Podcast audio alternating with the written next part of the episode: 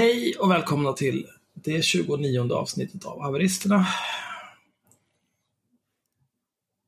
Uh... Jag heter Myra, Axel heter Axel, jag heter också Axel. Och mm. jag har en hund som också heter Axel. Ja, och det är måndag den 16 juli. Um, jag är en smula upprörd för att mitt, uh, mina skitdyra hörlurar har slutat fungera ordentligt. Dina G35 mm. eller dina? De var ju fucked sedan länge. Mm. Jag köpte ju ett par Marshall Monitor. Mm. Och de har ju så här otroligt praktiskt att man kan ta loss eh, sladden i hörlurarna. Och så kan mm. man sätta den i vilken hörlur man vill. Mm. Men det har ju börjat glappa den där skiten mellan, så vilken jag än sätter den i så får jag bara ljud i ena. Men de goda nyheterna är att jag har mejlat med Hi-Fi-klubben där jag köpte dem idag. Och de, de lyckades reta reda på ett kvitto som jag visste att jag hade supit bort. Mm. Eh, så eventuellt går det på garantin. Men de tyckte att om det inte gör det så kan man lika gärna köpa nya. För alltså, hur, hur mycket kan det kosta att bara sprätta upp dem, byta ut kabeln som går i eh, över liksom? Skitmycket förmodligen.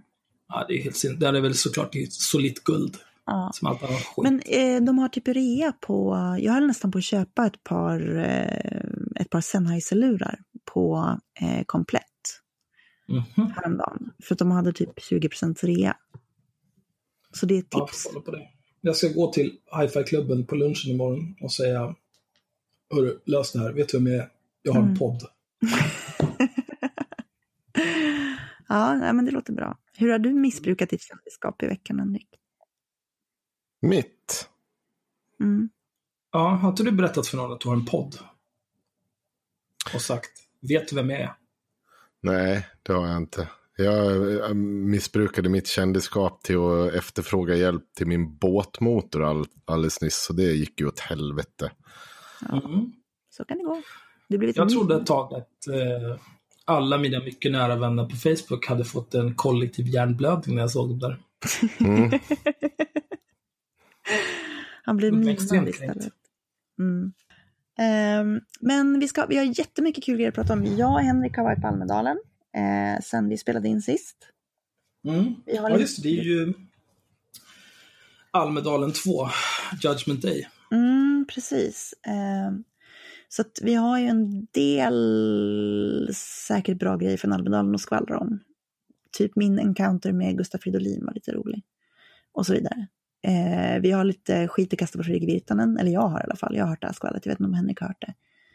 Eh, och lite så här, vi skulle kunna prata om nazister. Jag skulle gärna vilja prata om hur polisen hanterade nazisterna i Almedalen. Jag vet att du har lite att säga om, om lagstiftning gentemot nazister, Axel. Uh, ja, fast det får man ju inte säga längre i det här jävla landet. Rip the newborn baby Rip the newborn baby dance Rip the baby, rip the baby Everybody rip the baby tonight Rip the newborn baby Först och främst skulle jag vilja prata om Elin Eksvärd. Eller egentligen så vill jag börja med att prata om Anton, Ma Anton Magnusson. Eh, som har en, någon typ av satirrapparkaraktär som heter Mr Cool. Eh, som jag fick höra talas om för ungefär tre år sedan när han släppte en skiva.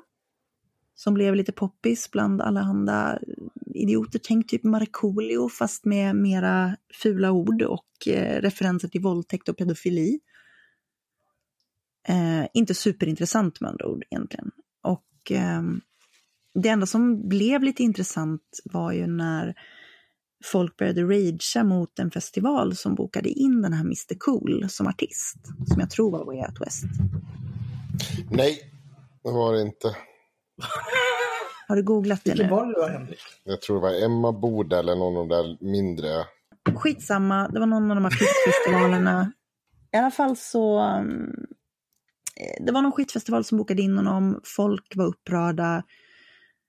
Och jag vet inte vad som hände för jag brydde mig inte. Jag antar att det blev någon sorts avbokning eller någonting, för det brukar bli det när det är sådana töntiga internetrev. Men eh, jag brydde mig inte därför att jag tyckte liksom att, ja ja, det är en, en vit kille i 20-årsåldern som gör edgy skämt om våldtäkter. Gud vad intressant, det här har vi aldrig sett förut. Han är till och med 35 den här jäveln. Ja, du ser. Han var inte ens, han var inte ens 20-årsåldern, han har inte ens den ursäkten. Jag tycker att det är ganska gjort liksom. Det känns som att vill man liksom göra någonting och vara edgy så kanske man ska skämta om, vet jag, ja, men skämta om fucking Mohammed eller någonting så att du blir liksom ja. mordhotad av, av Gör en rondellhund. Ja, ja. Annars är det ju totalt, totalt tandlöst, för de enda som kommer bli arga är moralistkärringar och PK-vänstern. Liksom. Alltså jag skämtar ganska mycket om Mohammed. Men jag har aldrig, fan aldrig blivit mordhotad. Jag tycker det är gravt överskattat. Jag tror inte att riktigt att du har den reachen liksom. Jag, alltså jag har aldrig hört dig skämta om Mohammed, till exempel. Jag tror att du överskattar. Dra ett Mohammed-skämt nu då.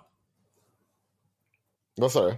Dra ett Mohammed-skämt nu då. Nej, jag har bara använt satirbilder. Jag har inget bra Mohammed-skämt. Jag har aldrig sett dem heller. När fan har du, använt, när har du postat satirbilder på Mohammed? Jag har aldrig sett det. På Twitter varje gång någon säger att jag inte vågar skämta om Mohammed. Jag har inte sett det på de typ tre år vi har känt varandra snart. Nej, då har du missat det. Ja, det var ju typiskt. Då får mm. du posta en mycket lustig Mohammed-mem. ja, jag får göra det. Ja, gör det. De, de, ja, kör. Ja, nej men eh, okej. Eh, Henrik, är, Henrik är en edgelord. Vi har etablerat det nu. Han är the coolest kid in town. Men eh, alltså, min poäng är med att det är ganska liksom, det är ungefär som när de flamgår och ställer sig bland, A, bland ABF och liksom ska krossa socialismen. Att det är ganska, det är ganska harmlöst. Ja. Eh, så. Töntigt på sin höjd. Ja. Ja, men det är lite trött också. Det är inte skitkul, liksom. Så här, chockhumor, ja, jag vet inte. Det är lite gjort. Men de har ju lite grann samma målgrupp. Mm, jo, absolut. Eh, det, är det liksom kanske de har. 20-something snubbar som tror att de är kantiga. Men mm. de är töntar. Mm. Gissar jag. Är ja. de som främst lockas av båda företeelserna. Liksom. Ja, nu har de ju lyckats. För att det som händer nu då tre år senare är ju att den här eh, snubben bakom Free Nepal eller Save Nepal eller vad fan de nu heter. Eh, han som ser lite ut som Magmys-Micke. Som är en, mm. en person som vi kan prata om en annan gång när vi har lite att säga. Men han... Eh, Heter han inte Mattias Alvén? Jag vill säga Jonathan, men det är bara för att han ser ut som en Jonathan. Jag tror att det är för att han mm. ser ut som, ja skitsamma.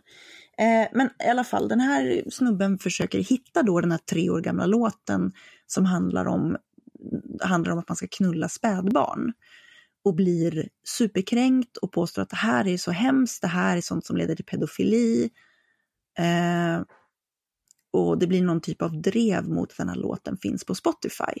Och Elaine Eksvärd då, som jag, den enda erfarenhet jag har av Elaine Eksvärd, förutom att hon är någon sorts föreläsare inom retorik och har bland annat skrivit en bok om härskartekniker som jag faktiskt har hemma och aldrig har läst. Eh, så enda erfarenheten jag har av henne var någon gång när jag skrev en lång lista på anledningar till att det var dumt att eh, införa porrfilter, så tog hon en skärmdump på typ ett av argumenten la upp dem på sin Facebook och sen så sa hon, ah, det här är det som är så hemskt med Twitter, det är så hemskt att folk eh, inte bryr sig om utsatta barn och kvinnor, wä, wä, wä. Helt taget mm. i sitt sammanhang. Det är enda gången jag haft någonting att göra med henne.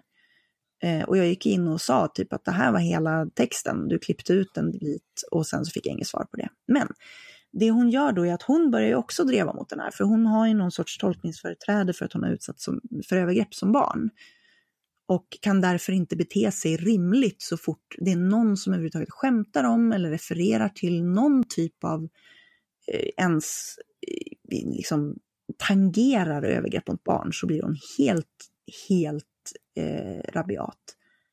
Vilket jag unnar henne. Alltså jag tänker så här, skulle jag utsatts för övergrepp som barn så vet jag fan hur fuckad i huvudet jag hade varit om någon började skämta om det. Men då kanske man inte ska opinionsbilda i de ämnena där man vet att man inte riktigt kan bete sig rationellt. Det, Nej, det blir ju inte så mycket eh, att, att folk har tolkningsföreträde utan det blir mer att folk är uppenbart jäviga. Mm. Ja, jo, men lite så att eh, det här det är möjligt att det här är ett trauma för henne. Jag hittade en väldigt rolig, eh, rolig Facebook-post från någon som typ skrev att varje gång mitt barn hör den här låten så, bör, så skriker hon rakt ut och bara får ett panikångestanfall och liksom, du vet. Men sluta spela låten. ungefär, Vad är problemet? det var ungefär det jag skrev också. Att, ja, men du kanske inte ska spela den för ditt barn då. Liksom. Eh, jag ifrågasätter ju hela premissen. För att det låter väldigt extremt. Men eh, det kom ju från också något så väldigt anonymt konstigt konto som heter typ Ulla-Britt. Mm. Som jag ska inte säga, eh, eh men, men eh, man skulle kunna göra tolkningen att det här är ett trollkonto av något slag. Eh, lite sånt där konto som, jag är en invandrarkvinna som har bott i Sverige i tre år och jag har röstat på Feministiskt initiativ de senaste 45 århundradena, men nu blir det Sverigedemokraterna. Mm, precis. Lite sånt konto. Mm, lite som Kurdsson, vad var det nu hette, mm. som Henrik pratade om i förra avsnittet. Det är så här, jag heter Anna Kurdsson och jag är från Turkiet och jag vill minsann inte lära mig laga kebab, jag vill lära mig laga svensk mat. Så att TV4 måste ta bort det här omedelbart. Hon sa faktiskt att hon hade flytt från sån mat. Mm, precis. Ja, från värre. förtrycket av kebaben. Vad fan flyr mat alltså? Vem flyr kebab framförallt? Kom igen. Ja, det är ju helt vansinnigt. Alltså men... Indien har inte du ätit där och blivit väldigt sjuk Axel? Det, det är ett land jag hade kunnat tänka mig att man flyr maten. Alltså, men, Oj, that's racist. Alltså det är bara... Du, du äter maten, så börjar du kissa med stjärten. Så pumpar du lite Imodium. Och så är du förstoppad i typ tre dagar. Men det är bara att pumpa in mer mat i ansiktet. Ja. Vad ska du annars göra? Ja, du kommer aldrig äta så billig mat som Indien. Du är en problem solver. Mm. Mm. Jag ser lösningar, inte problem. Okej, okay, kör hårt då. Eh, ja. Eh, men, eh, jag glömde bort hela. Jo, så det var någon sorts drev mot Mr Cool. Eh, det blev, hände en massa vidriga saker. Cissi Wallin skrev också om det här. Det satt alltså folk i de här kommentarsfälten och på fullaste allvar, inte genom en satirisk hiphop-karaktär, så önskade de att, att Anton eh, Magnusson skulle bli våldtagen. Eh, de drar upp Kim Wall som eh, är den här journalisten som blev eh, ganska nyligen mördad, styckmördad i en ubåt, drar upp henne och använder det, Cissi Wallin använder det som slagträ mot Magnusson. Typ ja, hon skriver riktigt sjukt. Alltså, hon skriver typ direkt till honom på Instagram. Mm.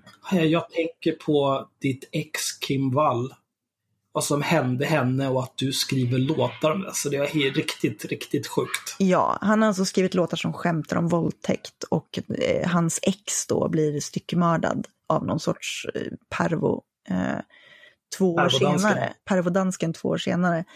Och eh, sen så använder de det som slagträ mot honom för att liksom, på något sätt antyda att han är medskyldig till det här för att han har skrivit låtar som skämtar om våldtäkt. Vilket var extremt jävla osmakligt. Och eh, speciellt då med tanke på att han tydligen har mått jävligt dåligt över det här, vilket man, jag menar vilken normal människa som helst mår ganska dåligt om ett ex blir styckmördat. Liksom. Det är så här, är du inte helt CP, förlåt, fjällig, eh, är du inte helt fjällig så mår du ju dåligt över en sån grej. Men Cissi Wallin drog upp det som ett slagträ för att han skulle må dåligt över att han hade gjort skämtlåtar om våldtäkt. Och det var ju fullt Hon är en sociopat. Hon är, ja jag vet inte, hon är väl också gravid så att jag tänker skylla det här på hormoner för hennes egen skull. Ja, nej.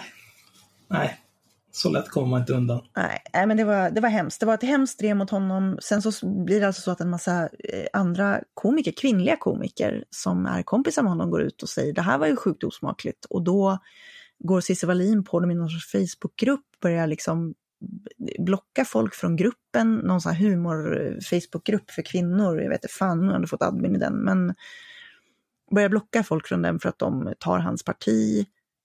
Eh, så en massa liksom, faktiskt duktiga kvinnliga komiker, inte för att säga att Cissi Wallin inte är en duktig kvinnlig komiker, men jag tvivlar på det. Eh, är hon ens en komiker? Jag, jag, jag vet inte. Jag har... Var det inte mer så här, jag har rätt många följare i sociala medier, nu vill jag testa det här nya. Jo. Och så gjorde hon det och sen tröttnade hon. Ja, det kan mycket väl vara så. Carolina Faraj är tydligen ståuppkomiker numera, så att eh, mm. det kan ju hända den bästa tydligen. Jag är också ståuppkomiker. Daniel Lampen har ju sagt att, han, att jag är en av hans favorit, svenska favoritkomiker. Mm. Så att, eh, det, det, är ett gott betyg känner jag. Daniel Lampinen lyssnar mer på vår podd än vi lyssnar på hans. Så att han har lovat att han är skyldig mig saker nu, som kompensation. Mm. Jag träffade ja, honom på Almedalen. Ja, det är klart du gjorde det. Mm. Eh, men så att det var, ganska, det var ganska efterblivet hela den där grejen. Och eh, rätt dumt. Men det var Elin Eksvärd igen som dök upp och jag har som sagt inte interagerat med henne. Nu har jag pratat om henne väldigt länge, men jag vill egentligen komma till att Elin Eksvärd då i dagarna postade en väldigt, väldigt rolig post. Eh, som jag tänker läsa. För den var så mm. hysteriskt rolig, tyckte jag. Eh, det som händer är då alltså att Elin Eksvärd har åkt på någon sorts semester i Spanien. Och hon skriver då en Instagram-post och det här är efter att hon har suttit och drevat mot eh, Mr Cool, att han har skämtat om att våldta barn och det är minsann inte kul och hon har fått, eh, ja, hon och hon, men hon var väl en av de mer, eh, en av de stora personerna som, som faktiskt drevade mot honom och fick honom borttagen från Spotify. Men hon skriver en post på Instagram som lyder så här.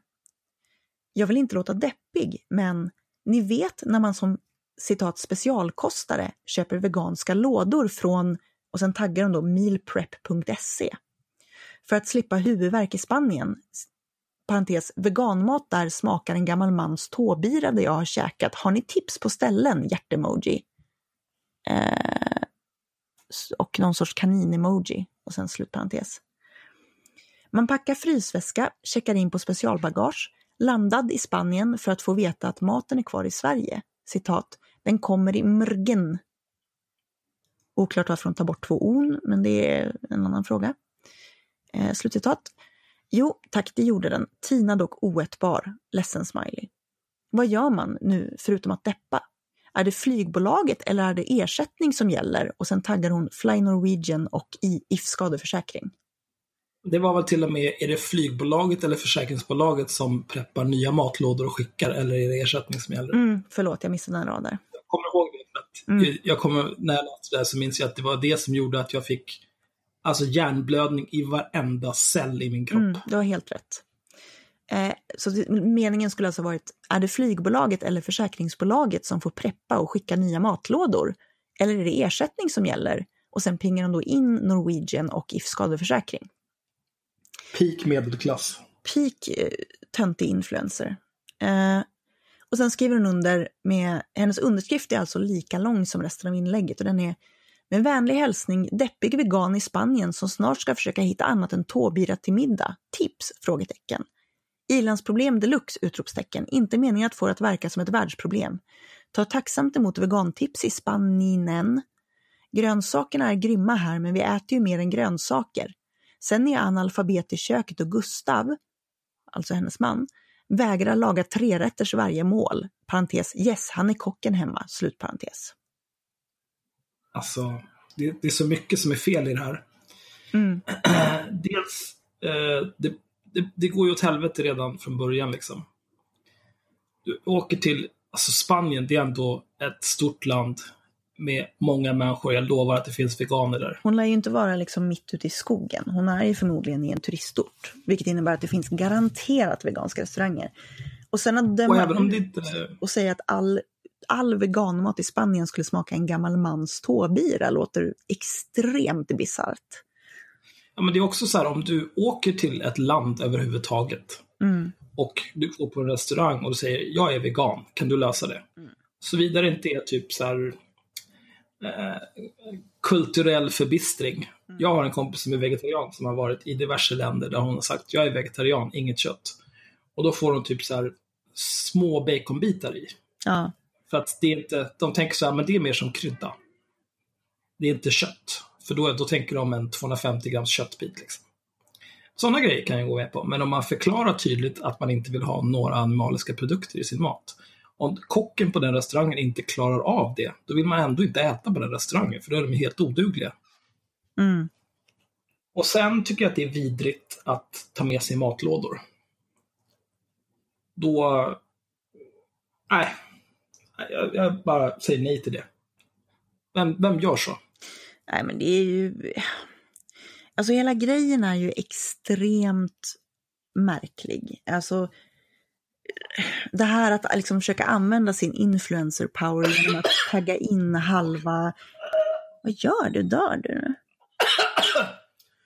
Jag satte kuken i halsen. Ja, sånt händer. Åh, oh, gud. Ja. Oh, oh, wow. Ja, jag är klar nu. Okej. Okay. Eh, nej, men eh, just det här att liksom tagga in halva företagar-Sverige för att liksom få någon som ska bara, oj nej, nu måste vi lösa det här badwill-problemet. Bara det är ju lite vidrigt. Ja, den vinkeln har jag inte ens tänkt på. Att hon försöker skamma till sig fördelar. Nej, alltså jag tänker alltid på den för att jag, jag försöker alltid typ att inte göra så. Mm. Eh, Ja, det är bra. mm. Så att det är liksom, jag vet inte. Eh, jag vet inte, hela grejen är ju sådär, hon åker på semester. Hon kan inte, hon är 36 bast och kan inte laga mat. Hon äter veganskt men vet inte hur man gör. Så hon har köpt med sig och flugit liksom matlådor till Spanien. Alltså hela grejen är så fruktansvärt bisarr. Ehm, Ja, men hon har blivit tappad på huvudet som barn. Det måste ju vara det. Ja, Eh, men jag gick ut på Twitter och var helt, eh, var helt chockad av det här. Och skrev just det där att det här är inte, liksom, du börjar inlägget med ni vet när man. Och det finns ingen som kan relatera till det här. Det finns ingen vettig människa i Sverige som kan relatera till det här. Eh, och var även lite förvånad över att hon hade fått lyckats raka in liksom 600 likes på det. Så att jag sa att om jag får 500 likes på den här tweeten så tänker jag göra en guide till Elaine Eksvärd om hur man kokar bönor som matlagningsvarierad. Eh, vilket jag fick, så att jag måste göra en guide till Elaine Eksvärd. Men hon upptäckte den här tweeten sen för någon taggade in henne, vilket var fair. Och sen så kom hon in och var sjukt passivt aggressiv, pratade massa om att hon var minsann eh, jag vet inte, hon, hon lyckades få ur sig alla sina såna här trap cards, liksom, typ i andra posten när jag sa att för hon sa, ja men det var inte ens dyrt, det var bara 50 kronor per matlåda. Jag vet inte, det är inte, det är inte så lyxigt. Och då sa jag att 50 kronor per mål per person är ganska lyxigt. Eh, om du inte jämför med restaurang liksom. Eh, Mm. Och det är också ganska lyxigt för de flesta att åka på semester. Så att det är ganska medelklassprivat. Och då tyckte hon att hon var ju bara en invandrartjej från Bredäng som hade blivit utsatt Åh, för fan, övergrepp som hade blivit utsatt för Så övergrepp av sin pappa och det var synd om henne. Och jag kände bara att det här är totalt irrelevant för liksom, den kritiken. Ja, det är verkligen skjut mig en flod. Mm. Eh, men eh, hon, hon tog inte det skämtet särskilt bra. Nej, men du ska skriva en eh, laga bönor-guide nu i alla fall. Ja, jag fick så pass många likes, jag tror att jag är uppe på 900 nu, så jag tror att jag ska göra en matlagningsvideo faktiskt. Oj, Mm. ja, undrar dig. Eh, Det viktiga är att du får fler likes än vad hon får. ja, ja, absolut. Det, det är alltid det viktigaste. When you play the game of likes, you win or you die. Mm. Likar du, förlorar du. Men det var egentligen något jag ville säga om Linnea Eksvärd. Hon verkar vara extremt humorbefriad. Hon verkar vara extremt privad och inte fattar det. Och eh, Men är inte kopplingen till den här, han som skulle rädda barnhoror, mm, kopplingen där är väl religion? jag vet, Om jag inte har missförstått det helt. För att han är ju någon typ av religiös galning. han är ju någon sorts pingstis. Jag vet inte om hon är det däremot. Men jag, jag har läst att hon hade varit på någon gudstjänst tillsammans med honom, så jag utgår ifrån att hon är någon typ av... Jag live-researchar det här Religiös. omedelbart. Alltså jag, jag ställer mig. Jag, jag tar avstånd ifrån all typ av organiserad religion som inte är judendomen. Mm. Men det är bara för att du brukar bli bjuden på middag hos ett, hos ett Men jag vet inte, det var någon av de där ståuppkomikerna, Simon Gärdenfors eller någon som eh, frågade henne om det där. eh, För hon hade backat honom och hon sa att hon inte visste vem honom, vad han var utan typ gick på det han sa någonting. Eh, han körde väl över henne ganska rejält där på Twitter. Det var en riktigt intressant diskussion och framförallt en retorikexpert som är så dålig på retorik. Ja, men hon är värdelös på att Det diskutera. Det mig. var ju det som var ja, så uppenbart Ja. när hon kom in och liksom skulle vara sur med min tweet också. Att hon kommer in och det första hon är- säger är så här, åh vad kul det ska bli att läsa guiden, mm, jättekul, nu ska jag gå iväg och äta jättedyr restaurangmat för jag hittade en restaurang, hej då, typ. Eh, Ja. Alltså hon är Jättebra. Mm. Och sen så var det Fan. där hon började kasta ur sig liksom allt det där. Hon säger, ja, ah, så du anklagar mig för att vara en överklassbrud från Östermalm. Och jag bara, nej, jag skiter i din bakgrund. Det spelar ingen roll vilken bakgrund du har. Det här är ändå sjukt privat liksom och ganska verklighetsfrånvänt. Mm. Och då var jag ändå tvungen att berätta om att hon var en invandrartjej från Bredäng och så vidare. Och där var det minsann billigt med 50 kronor per matlåda. Och då sa jag att det, det tror jag inte alls att det var. Och så vidare och så vidare. Nej, jag vet inte. jag, jag säger nej. Eh, jag har två saker. Mm, Eh, de är ju två stycken som gör det där med Mr Cool. mm, Jag kommer inte ihåg vad den andra snubben heter. Men jag tror att det var han som i en intervju hade fått frågan när det begav sig för åtta miljoner år sedan och släppte låten. Hade fått frågan om varför de hade gjort den här låten. Och det enda som jag tycker var roligt med hela den här historien, det var det han svarade så här. Ja, men vi bara kan få en enda människa att känna så att det är okej okay att knulla barn. Då känner jag att det var värt det. Det är så jävla bra. Bara double down. Mm. Aldrig backa. Vara Hanif på riktigt. Mm. Inte bara tills husse rycker kopplet. Sen har jag en till sak. Vet ni vad som egentligen gör att folk blir pedofiler? Ja, förmodligen att de är pedofiler. Nej. Sexiga barn.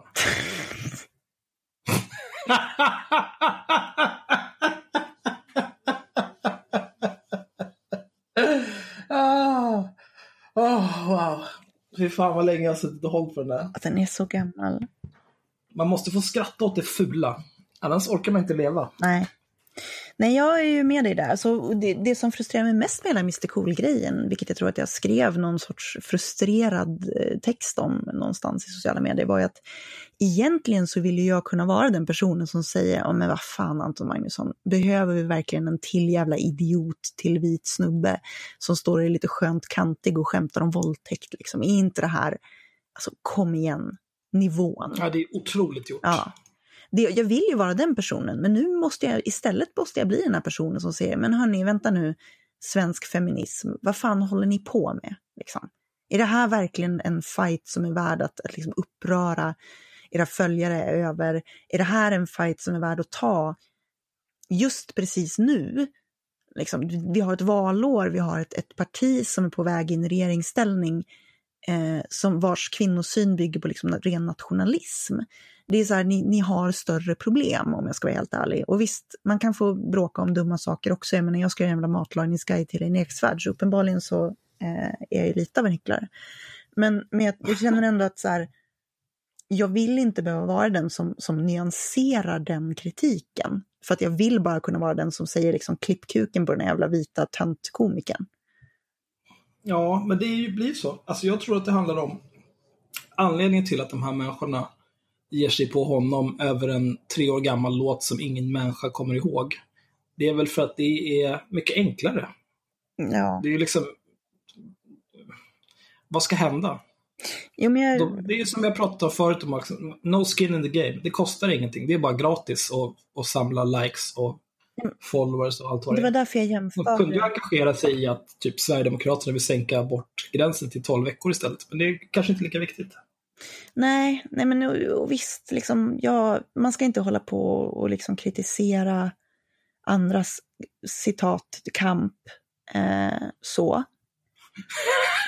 Men jag vill ändå säga liksom att jag vill ändå säga så här. Jag tänker så här att har man en plattform, speciellt när det är människor som har en plattform eh, med följare som, som i alla fall på ytan vill bry sig om saker som jag bryr mig om, då känner jag så här att jag har ett visst ansvar för kampen, slutcitats skull, att så här, markera när de fokuserar på konstiga grejer. Och jag tycker att det här är en konstig grej, det är en jättekonstig grej att fokusera och lägga energi på en tre år gammal satirlåt. Mm. Men det är väl det vi tre har gemensamt, att man ser någonting som är korkat, då spelar det liksom ingen roll att man förväntas spela på samma lag, utan man kanske måste fälla den personen ändå. Ja, det blir, Eller i alla fall försöka. Det blir nästan värre. Liksom. Jag menar, jag förväntar mig den här typen av idiotier. Jag menar, det, är, det är mycket det jag gör. Om vi tar liksom, eh, men till exempel när den här jävla kristna tankesmedjan skriver en helt jävla mongotext om eh, nej men de skriver en text om att Pride är liksom det färgglada mörkret och det här leder till ja, samhällets förfall. Eh, så är det ju någon, då sätter jag mig ner och skriver en ordentlig text om det och bemöter det på en vettig nivå. Men liksom när min egen sida, också så här, stora citattecken på det, eh, människor som säger sig kämpa för liksom feminism och antirasism och sådana saker som jag tycker är viktiga, gör sådana här konstiga grejer, då känner jag bara att jag vill bara driva med det. Jag vill bara säga att men nu är ni fan dumma i huvudet. Liksom det finns ingenting i det här som har substans, det finns ingenting, det finns ingen poäng i att den feministiska rörelsen eller att eh, den antirasistiska vänstern ska spela med på de här auktoritära, reaktionära människornas världsbild och säga oj, vi måste förbjuda allt hela tiden. För att det är det ja. vi har liksom tillbringat de senaste, den senaste generationen med att kämpa emot. Å andra sidan är det ju lite fint att folk från både höger och vänster och mitten kunde enas i moralpanik. Jag tycker att det är, ja, jo, det kanske är fint. Jag tycker att det är lite deppigt. Jag vet inte, jag, jag tror att det är ett utslag av den här ehm, liksom, politiska utbrändheten som så många lider av, som gör att man, liksom, man orkar inte ens ta i det faktum att, att det politiska läget är så deppigt som det är. Liksom, en av fyra moderatväljare vill samarbeta med SD. Och då känner man bara att bleh, och så tänker man att äh, men jag tar de här små fighterna istället för att där kan jag faktiskt göra skillnad. Jag kan sympatisera ja, med det. Men eh, det är deppigt. Kanske.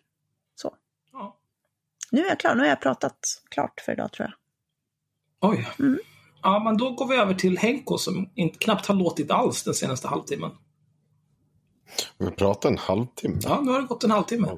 Det är för att det är så jävla bra podd. Vet du. Det är därför det känns som att det går mycket, mycket fortare. Det är därför våra avsnitt måste vara tre timmar långa.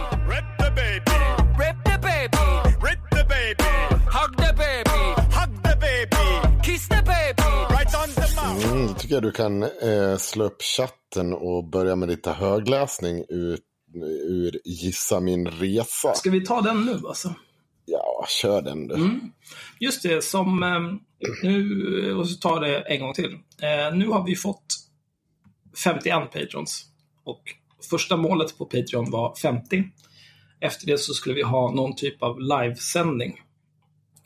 Eh, och vi får väl försöka snickra ihop det, helst när vi allihopa är i samma rum, men annars via någon typ av Skype, Discord, Slack, Telegram eller whatever. Någonting. Teams vill jag använda. Microsoft Teams. Det är bra grejer. Vi skulle kunna ladda ner ICQ. Mm, det är nice. Mm. Det kan vi göra för våra Patreon-pengar, köpa riktigt låga ICQ-nummer. De har ju gjort om, det är någon sorts ryssar som har köpt ICQ. Mail.ru. Ja, De har köpt ICQ och gjort om det till en WhatsApp-klon. Ja, jag klarar mig bra utan att GRU och FSB sitter och läser allting jag skriver. men det var egentligen bara det. Någon gång i framtiden kommer det någon typ av livesändning, men vi kommer att informera om den på Facebook. Så om ni inte följer oss på Facebook kan ni göra det. Um, ja. Och nu ska vi läsa någon typ av reseskildring av Katarina Janouch. Mm. Och du, som du, du kanske förstår så kommer den här vara balanserad, nyanserad, framförallt ge en rätt, rättvis bild av resmålet. Men du ska inte få veta resmålet, utan du ska läsa den här texten högt. För jag vill nog höra din reaktion på mm, Jag har ju då, för, för de som inte vet, det vill säga de flesta som lyssnar på det här, inte läst den här texten tidigare. Mm, nej, och därför kommer det bli extra kul.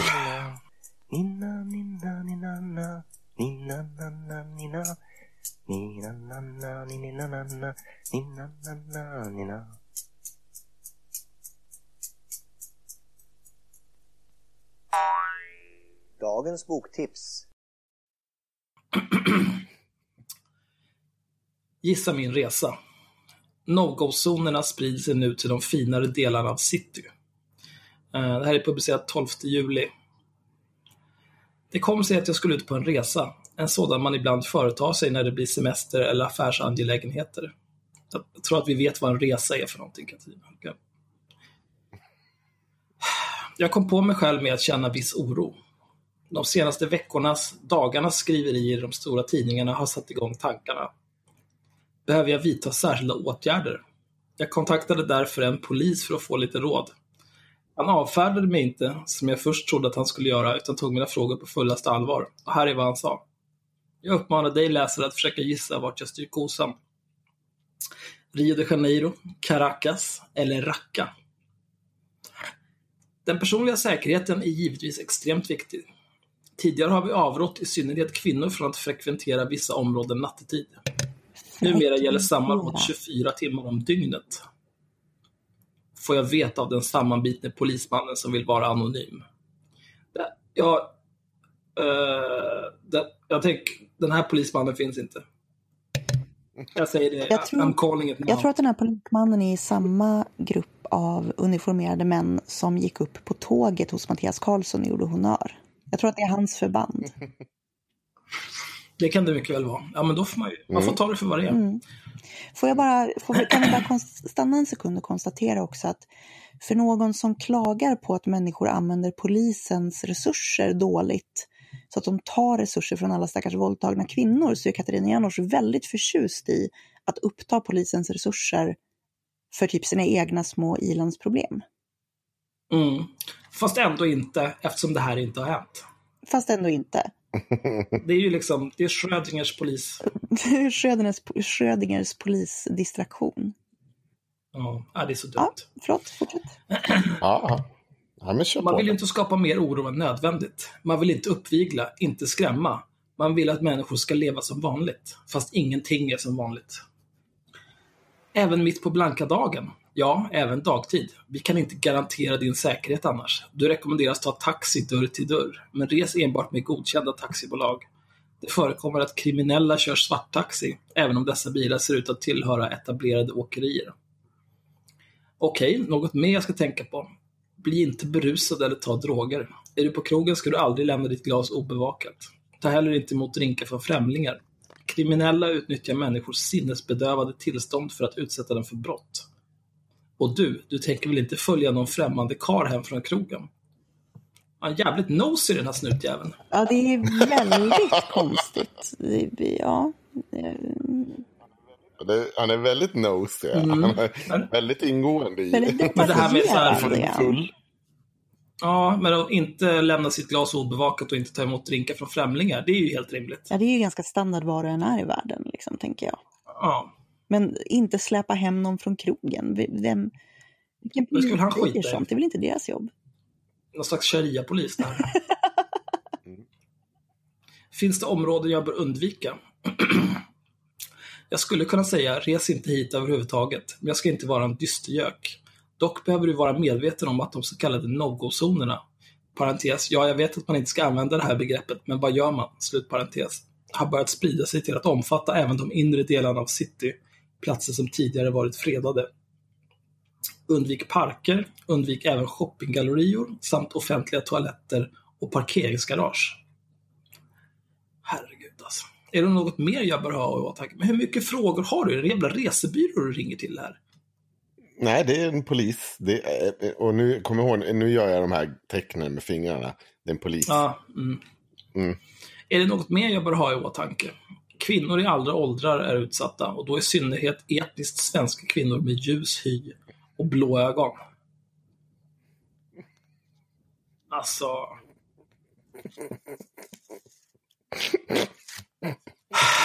Alltså det finns ju många samtal här i världen som inte har hänt. Men jag vill ändå känna att det här samtalet har inte hänt lite mer än många andra samtal inte har hänt. Jag, jag känner också att det här är helt klart en topp tre eh, på listan över saker som inte har hänt. Mm. Det här är ju up there med Mattias Karlssons eh, honnörsbrigad. Mm. Ja, alltså det är inte klart än. Kör hårt. Det spelar ingen roll hur gammal du är. Jag föreslår att du inte exponerar hud eller hår. Täck gärna huvudet och ha på dig fotsida klädsel. Se inte heller förbipasserad i ögonen. Solglasögon kan vara bra idé. Alltså, en oförsiktig blick kan räcka för att provocera fram våld i till exempel kollektivtrafiken. Någon kan bli kränkt. Undvik därför förstås också alla religiösa symboler. Uh, ja. Men det, är, det, är det någon som tror på det här? Det här måste ju vara för dumt till och med för hennes... Fortsätt. Alltså att en polis ska säga det så här. Ja, titta inte på folk. Någon kan bli kränkt. Ha inte på den här, alltså kom igen. Ja, Okej. Okay. Nu är det ja. så här. Nu är det så här, Axel. Okej, okay, men det är mm. sommar mm. och varmt. Jag brukar ha shorts och linne. Du bär sådan klädsel på egen risk. Jag kan givetvis inte förbjuda dig något, men det är upp till dig. Är det viktigare att slippa svettas än att bli misshandlad och våldtagen? Wow. Alltså ingen polis har någonsin sagt så. Skulle en polis säga så, så skulle det ju vara brott mot typ allt i hela boken. Nej, men, jag skulle Nej det, anmäla... det, skulle väl inte vara något brott? Jo. Varför skulle det vara ett brott? Om en, om en ja, ge mig ett exempel Om en polis sa till mig så här, ja, nej men klä på dig så du slipper bli misshandlad och våldtagen. Oh, nej, fast det, det är inte, han, hon ringer ju och ställer frågor om vad hon bör tänka på. Och om polis, ja. den här, kom, nu men det är väl klart att han inte kan säga så. Tänk, det är väl klart han kan. Nej, men, så här, Fast jag, han finns ju inte på riktigt. Nej, men, men det är inget brott. Tänk, men tänk dig scenariot när en kvinna ringer till polisen och säger så här, hej jag ska gå ut ja. på kvällen, det är lite varmt, jag vill bara kolla. Ja, nej men vadå, tänker du ha på dig shorts? Nej, men då får du skylla dig själv om du blir misshandlad och våldtagen. Då får du ju bestämma själv. Men det är fortfarande inget brott.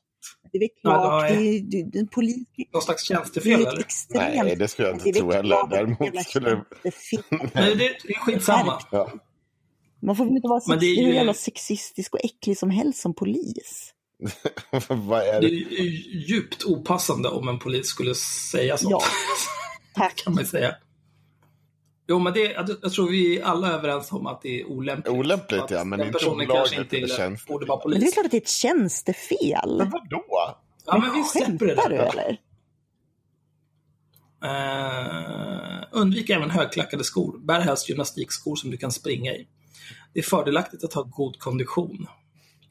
Jag skulle rekommendera dig att du tar en kurs i självförsvar samt satsar på att skaffa dig god fysisk kondition och all den styrka du kan uppbåda.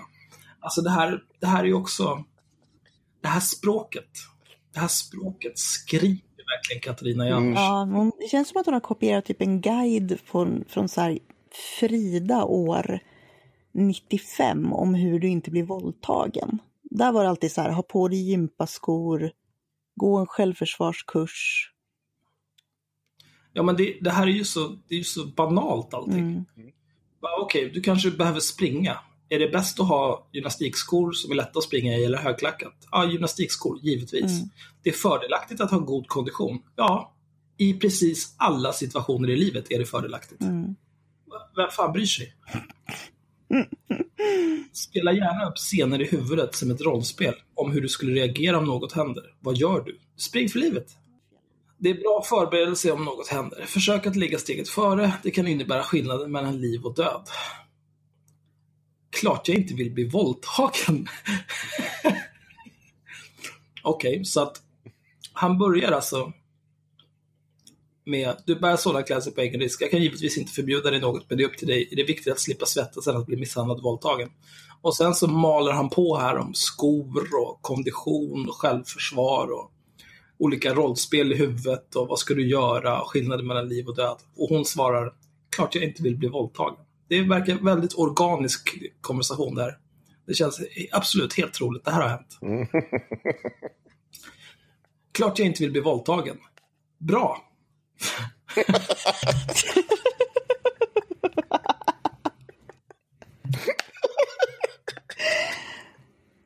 vad, vad trodde den här... Vilken tur! Ja, men då så. Ja, du vill inte bli våldtagen? Ja, men då har jag lite andra förhållningsregler som du ska få.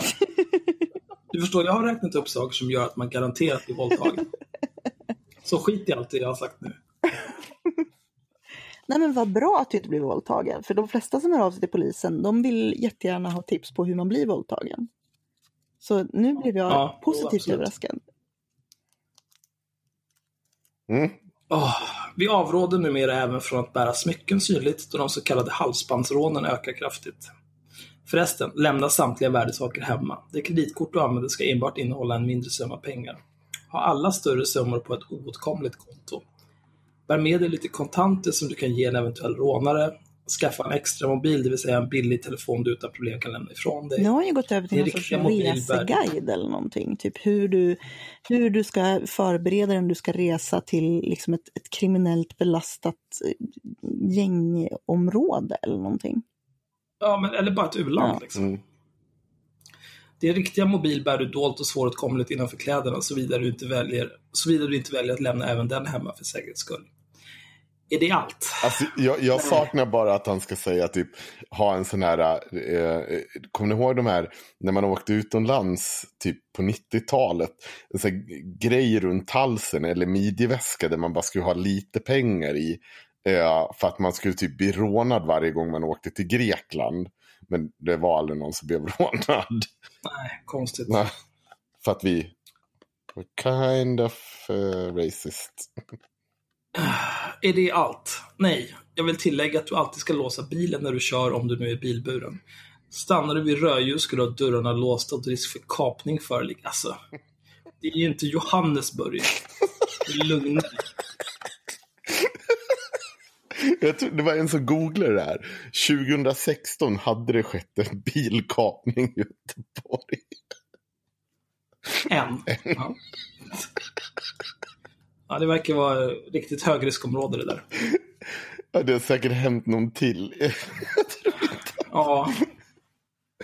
Åh, oh, gud, det är så dumt. Eh, då risk för kapning föreligger. Detta även i de tidigare bättre kvarteren. Vi varnar även för risken att du blir uppsökt hemma då ditt registreringsnummer kan observeras av stöldligor som tar reda på var du bor. Se om ditt, se om ditt så kallade skalskydd, det vill säga ytterdörrens lås. Ja, alltså. Skalskydd är ju lite mer än ytterdörrens lås, men okej. Okay. Mm. Nej, det är också, det är också sån där grej. Skalskyddet är, det är ju egentligen bara en låsfunktion på, eh, på ett larm där du bara där du låser för att du är hemma. Det är ju skalskydd. Ja, Jo, men när man pratar om skalskydd i den här bemärkelsen, då är det ju liksom allt. All typ av fysisk access. Mm. Och då, det kan ju vara liksom så här, okej, okay, men du har, säg att du är ett företag. Mm. Vad händer när de kommer in under kontorstid? Ja, de måste anmäla sig i receptionen, de måste berätta vem de ska träffa, vilket företag de kommer ifrån, de måste få en passerbricka, de kanske måste bli mötta av någon där. De får inte gå omkring själva. Vilka, när du kommer innanför gaterna in på företaget, vilka områden är off limits? Finns det kodlås där? Finns det, du drar brickan? Vem hanterar sig? Och så vidare och så vidare. Det tar ju aldrig slut den här skiten. Det är mer än ytterdörrens lås. Ja, men jag tycker också det är så kul för hon ska alltså resa, då ska de alltså observera hennes, hon, hon bara åker in i Göteborg, ska de operera, och, observera hennes regnummer. Så ska de åka till Stockholm och råna henne. men varför skulle de, ja, du kommer du med skalskydd här, skottsäkert glas är att föredra. Ja, absolut. Skottsäkert glas på bilen. Det verkar rimligt. Nej, ja, det, ja. Jag läser eller, eller hemma, jag vet inte. Läs vidare, läs vidare. Det verkar helt orimligt oavsett. Bor du på nedre botten ska du överväga galler. Alltså... Jag ska flytta till Göteborg till en bunker för att gå ut och festa. DNA-märk också dina värdesaker. Men vänta, det här är ja. alltså svar på frågan vad hon ska tänka på när hon går ut på kvällen? Nej, det, de frågor hon har ställt hittills är... Ja, vad är det här? Uh, hon, hon, frågar ju liksom, är det något mer jag ska tänka på typ åtta gånger? Mm, okay. men, men... Hela tiden mer information. Men det börjar med, finns det områden jag bör undvika? Är det något mer jag bör ha i åtanke? Men, det här, men okay, premissen men... är att hon ska gå ut i den här staden och då vill hon liksom kolla med polisen innan så att det är säkert. Mm.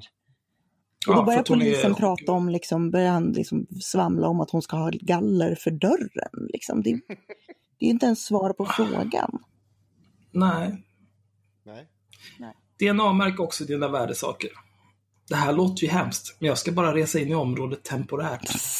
Just det, jag glömde bort mig. Ja, visst, du glömde bort mm. dig. Han bara älskar att prata, hen älskar att prata om, om de här sakerna. Om den här polisen finns, om man bortser från att den här polisen inte finns. Så borde någon sparka den? Finns, då dels det här med att så här, snacka en massa skit. Det är ju, det är ju olämpligt. Men sen också den här jävla svadan. Mm. Jag ska åka till en stad temporärt på besök.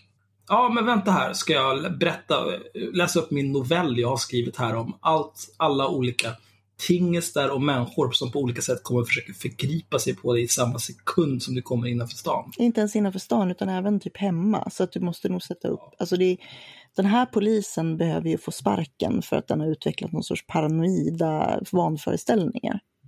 Ja, det kan, jag, det kan jag hålla med om. Nej, men det är fortfarande olämpligt att säga ja, ja, men du kan väl gå klädd som du vill om du tycker att det är bättre att bli våldtagen och misshandlad. Ja. ja, men olämpligt är vi överens Olämpligt, men det är inte tjänstefel. Börja inte med det där nu igen. Alltså, någonting som är olämpligt kan vara tjänstefel, Henrik. Ja, absolut. Att du, att du ja. tycker att det är helt okej att oh. poliser håller på sådär, det får stå för dig. Jag skulle inte tycka att det var okej. Halmgubbe. Nej, men du sa att det inte var tjänstefel. Jag tycker att det är tjänstefel. Men vi är ju överens om att det var olämpligt, ja. bara inte att det kanske är olagligt. Nu går vi vidare igen. Jag tycker Fred, det borde vara olagligt. Borde byta ut, borde byta ut dem mot robotar. Just det, ja. Jag glömde bort mig. Vi försöker i största möjliga mån se till att civilbefolkningen skyddas från övergrepp. Mm. De här rekommendationerna är framtagna i samråd med våra makthavare. Vilka makthavare? Är det judarna? Soros. Men vadå makthavare? Ja, nej men det, det, ja, vi, vi, det måste ju vara regeringen. Ja, men det är för att hon, vill, det är för att hon vill bärsa regeringen. Det är för att hon vill så indirekt antyda att det är regeringen som har gett de här direktiven under bordet till polisen och sagt att vi ska inte göra någonting för att förändra de här situationerna där kvinnor inte kan gå ut, utan istället ska polisen, kvinnorna ska anpassa sig. Det här är ju liksom ett roundabout sätt att bärsa regeringen. Oh, det är dumt. Ja. Får jag använda något för att skydda mig om jag blir anfallen? Vi vill helst inte att medborgarna använder några som helst vapen. Men om något händer mig, då kommer väl polisen och hjälper mig? Tystnad. Ja. Fan. Glappat med käften oavbrutet här. Men nu, nu har du inget att säga. Okay. Svara på frågan tack. I dagsläget vågar jag inte lova något, men det är klart att det är meningen att det är så det ska funka. Det är det. Risken finns dock att du blir åtalad och bötfälld om du blir påkommen med innehav av olaglig pepparspray. Eller något annat tillägg. Ja. Men det var ju... Wow! Kan du bli åtalad och bötfälld om du har någonting som är olagligt? Wow! Den här jävla snuten går ju från klarhet till klarhet. det var inte heller svar på frågan. Frågan Nej. var ju, kommer polisen och hjälper mig? Då börjar han prata om att så här, ja, fast vi kanske bötfäller dig om X händer. Det var ju inte alls det hon frågade. Eh, risken finns dock att du blir åtalad och bötfälld om du blir påkommen med innehav av olaglig pepparspray eller något annat tillhygge. Jag? Du ja. Det är ett nedslående samtal. Och jag undrar, mina kära läsare, om du kunnat gissa vart jag ska resa. När jag är inte på väg till Rio de Janeiro, Caracas eller Raqqa. Jag ska till Göteborg. Mm. Året är 2018. Landet heter Sverige. Kom ihåg att vi aldrig har varit tryggare. Ja. Sen kan ni swisha till Katarina här eller sätta in pengar direkt på hennes bankkonto eller bli Patreon. Det går även att göra internationella betalningar. Hon blir glad för varje slant och är oerhört tacksam om du köper hennes böcker. Mm. Och så vidare, och så vidare. Här har vi lite direktlänkar till hennes böcker också. Perfekt. Mm. Nu är det ju så att polischefen Erik Nord inte håller med Katarina Janouch. Nej, vad konstigt. Han, han, hade, han hade frågat sig om, hade det första han hade frågat sig om det var om det var satir. och då hade, jag, jag, kan tyvärr inte läsa, det, det är bakom betalvägg på GP. Men, och Katarina är inte heller så noga med att ge motstånd ansikt. Så hon skriver så här, eftersom intervjun med mig i GP bakom betalvägg får de tre citaten eh, eh, eh, så får ni de här tre citaten som publicerat så slipper ni läsa resten. Ja, för varför skulle man vilja läsa om en polischef som totalt dömer ut det du har hittat på, din jävla galning. Eh, och då är det så här, det här är tre citat, jag tycker det, det sista är bäst, men eh, vi kan väl börja. Polischefen Erik Nord menar att den här bilden som målas upp av Göteborg är överdriven och delvis felaktig. Vad tänker du om det? Då får väl han mena det. Polisen har inte direkt lyckats med sitt uppdrag. Jag har full respekt för polisen, men jag har inte mycket för polischeferna, eller mycket över för polischeferna. Det är de som håller sina undersåtar i skräck när de talar sanning. Mm, precis. Ditt jävla fantasifoster, det har ju absolut talat sanning. Titta på vilka eh, reaktioner människor som Peter Springare får när han yttrar sig. Det är klart att en vanlig polis inte vågar gå ut med sitt namn och bild. Nej. Men vilken otur, det... vad, vad, vad himla praktiskt för dig. Ja. Men alltså ponera att det här faktiskt hade hänt. Mm. Eh, om, om, du ringer till typ 114 14 mm. eller till eh, jag vet inte, någon lokal polisstation i Göteborg. Jag, jag kan lova att de loggar vem som sitter i telefon. Vilka tider. Skulle man kunna... Det skulle liksom någon som sitter och, och, och kräks ur sig all det här skitsnacket. Det skulle inte vara svårt alls att spåra upp den personen. Vi kommer till det Axel, du behöver inte oroa dig. Skulle vi, skulle vi kunna spekulera om att det här skulle kunna vara Peter Springare som hon har pratat med? Nej. De har ju båda, Peter Springare blev ju faktiskt anställd på Nyheter Idag som krönikör tillsammans med Katarina Janouch. Mm. Efter att han hade blivit Le Epic Whistleblower. Ja, hans huvud ser ut som ett ollon. Ja, ska vi läsa citat nummer två då? Ja, vad är det mer? Ja, gud ja. Håller du med om att bilden av Göteborg i inlägget är överdriven? Nej, jag tycker kanske till och med att den är underdriven.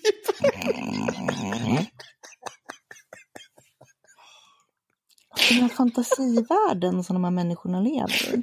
Alltså jag ser framför mig typ att Godzilla står i Göteborg och bara... om det nu underdriver, vad finns det mer? Så har de atombomber, de här kriminella, som kommer hem och våldtar dig och dödar dig om du inte har galler på ditt fönster bara för att du har kört genom Göteborg. Det är helt vansinnigt. Men hon är inte klar där. Jag undrar, eh, jag undrar om jag kan gå med en Davidsstjärna öppet vad jag vill i Göteborg utan att bli utsatt för kommentarer och trakasserier. Kanske rena övergrepp. Och om jag som kvinna går avklädd med bara armar, äh, bara armar korta shorts och urringning kan garantera att ingen kommer att kommentera eller utsätta mig för övergrepp. Kan han garantera mig min säkerhet, alltså då Erik Nord? Det är klart att han inte kan det. Dummaste jag hört. Ja, gud, det är så konstigt. Alltså, så, om jag tar upp en bild från en jävla livesändning från Göteborg så kan jag lova er att det kommer vara folk kortklädda där idag. Och det kommer gå för mestadels ganska utmärkt. Eh. Ja. Men det, man får tänka på det här, alltså det, det märkligaste med det här. Mm. Det är ju dels, det är ju supermärkligt att ljuga ihop en sån här text. Ja. Eh, men sen också så här, nej men jag, på fullt allvar känna så här, nej men jag, jag kommer inte behöva backa från de här påståendena jag har gjort här. När, när en polischef, jag tar polischef i Göteborg. Mm. Ja. Jag tror att han har lite bättre insyn i hur det ser ut än vad Katarina Janouch har. Fast han sitter ihop med makten. Det är, ja, du måste han mörkar ju. Han mörkar, ja, han mörkar ju det här. Men det citatet ja, men, är klart. Ja, men det som är så konstigt är ju, alltså varför vill man, alltså normala människor fattar ju att det här är påhittat. Mm. Och normala människor har väl större tillit till polischefen för staden än till Katarina Janouch som kommer på besök. Menar du att, medborgerlig, menar du att medborgerlig samling är inte normala människor? För att jag, jag tänkte komma till en poäng kring det också. Ja, visst. Ja, men det, citatet är inte klart. Nej, jag är inte den enda som ska ställa, äh, ställas i förs, äh, jag är inte den enda som ska ställas i försvar för någonting. Jag är inte den som ska behöva förklara mig. Jag tvingas leva i ett Sverige som har fullständigt kvaddat av ansvarslösa poliser eftersom polisen inte vidtar, den han, äh, inte vidtar den handlingskraft som behövs för att få bukt med det här. Och så har polisen mage att ifrågasätta min text där jag har fått säkerhetsråd. Jo, Fast Va? det ju ett problem. Det har ju inte hänt. Nej, det har men hon har ju jättemycket respekt om... för polisen, sa hon ju nyss. Mm. Inte för polischeferna. Nej men, Nej, men nu har hon inte respekt för poliserna heller, för poliserna gör inte sitt jobb. Mm. Nej, men det är ju för att de är, de är bakbundna av polischeferna. Mm. Som har fått order från makthavarna. Mm. Och så som finns inte det. är judar, för Katarina är jude. och sen har vi det sista citatet, det här tycker jag är bäst. Fråga.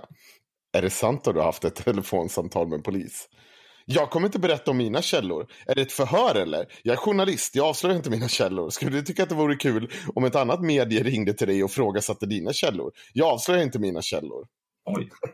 Ja eller nej hade väl räckt? Det här är inte en fråga om vem som är din källa. Det här är en fråga om det här samtalet någonsin har ägt rum. Din jävla galning. Det är en ja eller nej fråga. Du, du, du, svarar inte ens ja eller nej. Du säger bara att du inte tänker avslöja dina källor. Nej, för dina jävla källor är din jävla vinflaska och en fredagskväll med din jävla katt. Det är vad din källa är på det här. Tar avstånd. Ja, jag tar också avstånd. ja, men det är så galet. Det är så... Alltså så här, på riktigt. Eh, om jag vore Sverigedemokraterna och en Sverigedemokrat hade gått ut och sagt så här, muslimer kommer hit och våldtar och islamiserar vårt samhälle. Alltså, i, eller om jag vore Medborgarsamling, alltså det här är ju vansinnigare på något sätt. Det här är så mycket vansinnigt. Alltså, vem, vilken tänkande jävla människa som helst kan ju se att det här är ju bara... Du har ju sett och dragit saker ur röven, Katarina Janouch. Du har ju sett och bara hitta på. Alla ser det. Men Medborgarsamling, de säger inte en skit. Hon står fortfarande på riksdagslistan. Och de bara tycker att det är okej. Okay det här är okej. Vi kan ha den här jävla galningen som vill gå in och ändra svensk kriminalpolitik ut efter fantasifoster som hon drar ur arsle efter två 70 rödvin och säkert alldeles för mycket ångestdämpande medicin för att hon just har såna här jävla fantasifoster i huvudet. Det är helt... Hur kan, hur, kan, hur kan det få tillåtas att vara på det här sättet? Hur kan man inte bara säga så här, nej men vet du vad, Katarina, du är för galen för vår riksdagslista. Det här, okej, okay, men nej, det här jag går. Tycker, jag tycker det är bra att de straffar upp sig själva. Alltså hon, ja. hon är ju typ Katarina Broman. Oj, den där jäveln. Henne har jag förträngt. Hon, hon var väl moderator på Avpixlat när det begav sig? Ja, vi fick ju henne avsatt från Sverigedemokraterna för att hon satt och var moderator på Avpixlat. Mm. Ja, och så bara sitter hon och skriver så här. Men alltså, du, du ska bli politiker och du sitter och liksom ger det på enskilda polischefer för att de tycker att det låter lite galet när du just har typ... Men ta ut kuken ur halsen för helvete. Nej, det går inte. För mumsig. Pass the baby to the left. Pass the baby to the right. Hug the baby, kiss the baby, everybody do the rep the baby dance det, man blir bara, man vill ju inte att det ska vara, behöva vara på det här sättet. Men vi har ju ett, ett current exempel av eh, politiker som fan inte kan bete sig. Nu har ju för sig Nigel Farage har ju, är ju inte längre ledare för Ukip sen en liten stund tillbaka. Men tidigare idag så uh, tweetade han ju uh, en bild som var lite intressant. Apropå det här med liksom källkritik och så vidare där någon alltså tagit en bild på en kvinna som står med en skylt som eh, i originalet så sa den typ My home is open for refugees. Och sen har någon bara typ suddat ut det och skrivit i paint My legs are open for refugees. Eh, ja, det var den sämsta Photoshop jag sett. Ja, det syns väldigt tydligt. Och då har Nigel Farage tweetat den här och skrivit What's an insult to the victims of sexual abuse in Cologne and rape in Malmö? These people are sick. Eh, för det första att mm. Malmö används som någon sorts så här, vet inte, som att det typ är våldtäktsmecka. Är lite det är ju the rape capital of the world. Ja, precis. Eh, men sen så är det någon som påpekar att eh, det här är ju faktiskt en Photoshop. Då tar han bort den, det är inte ens en Photoshop, det är typ en paint. Men då tar han bort den och så tweetar han The photograph turns out to be fake news med versaler. Uh, but the refugees welcome brigade need to think harder about what is happening. 3000 mm. likes. Det spelar ingen roll om det är sant, det är för jävligt ändå. Exakt. Uh, och det här är alltså någon som var liksom, det här är som att Jimmy Åkesson skulle göra det typ. Men Nigel Farage är ju å andra sidan en kukjävel av rang.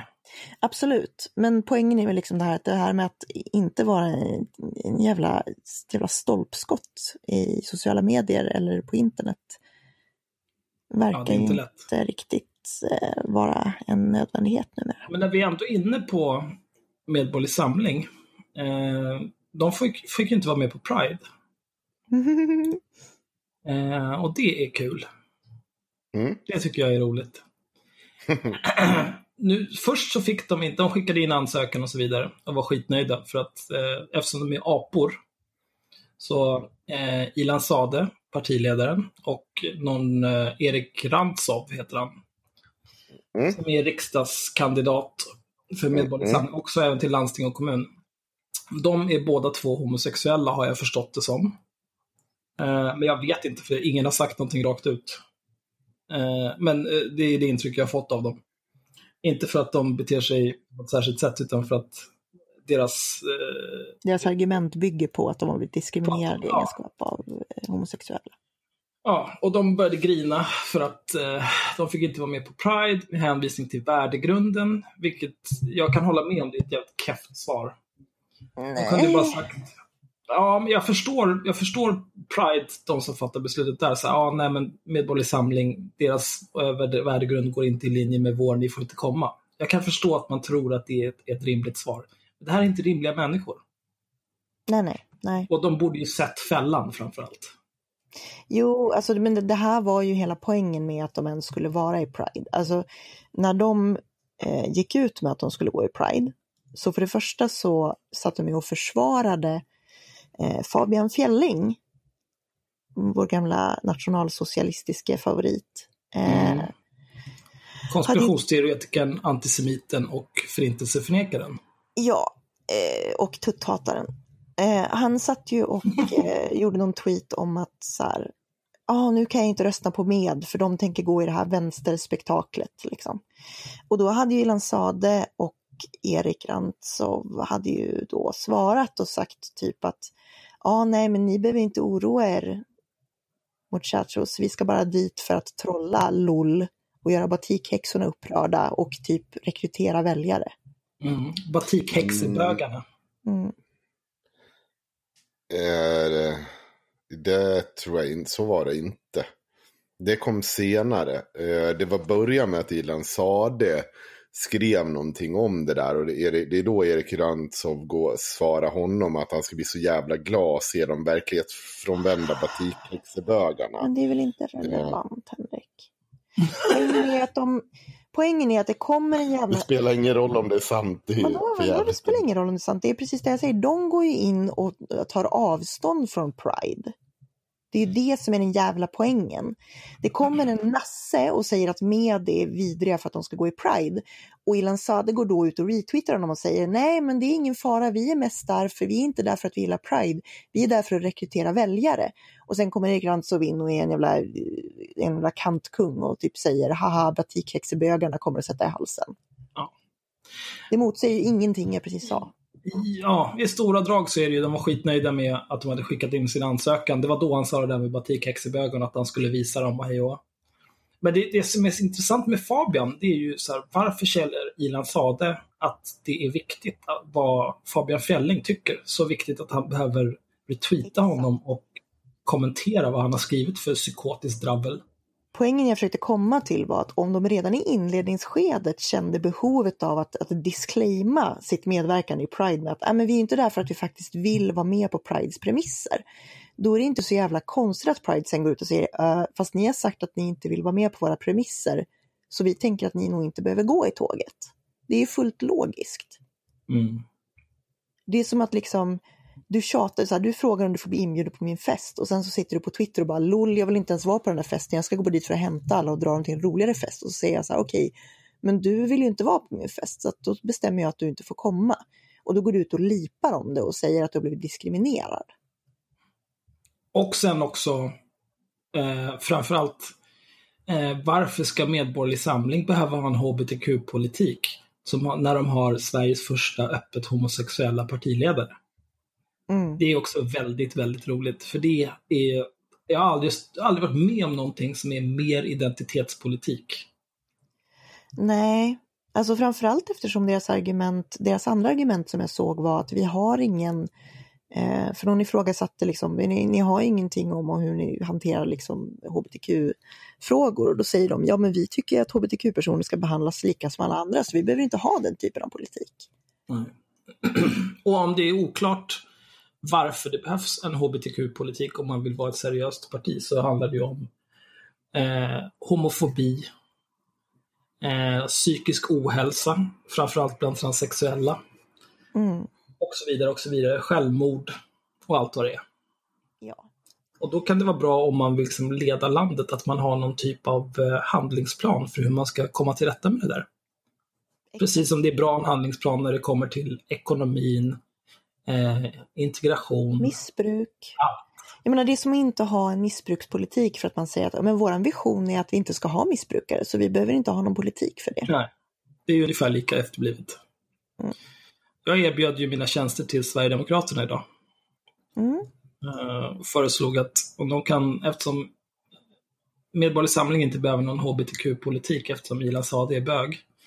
Då kan de bara, de kan kasta in mig topp 10 på riksdagslistan. Så kan de stryka hela sin invandringspolitik eftersom jag är lite mörk under ögonen. behöver inte ha någon. Det är lugnt, jag kanaliserar allt.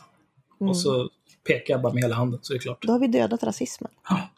Det är så det funkar. Vi gjorde det. Mina Dennert får de ju ta i och för sig då. Så kan de bocka Eh, av det också. Men det är ungefär som att rasismen i USA inte finns längre nu när Obama har varit president. Mm. Ja, det är så dumt. Så otroligt korkat. Men, men det där är ju i alla fall, det hela det där är ju ett PR-trick från början till slut. Jag menar, eh, när de redan i inledningsskedet som sagt går ut och säger att de bara vill vara med för att provocera slash sno väljare. Så är det inte orimligt att Pride då säger att okej, fast vi vill inte bli, att ni ska komma dit och provocera slash sno väljare, för ni säger att ni ännu inte gillar Pride.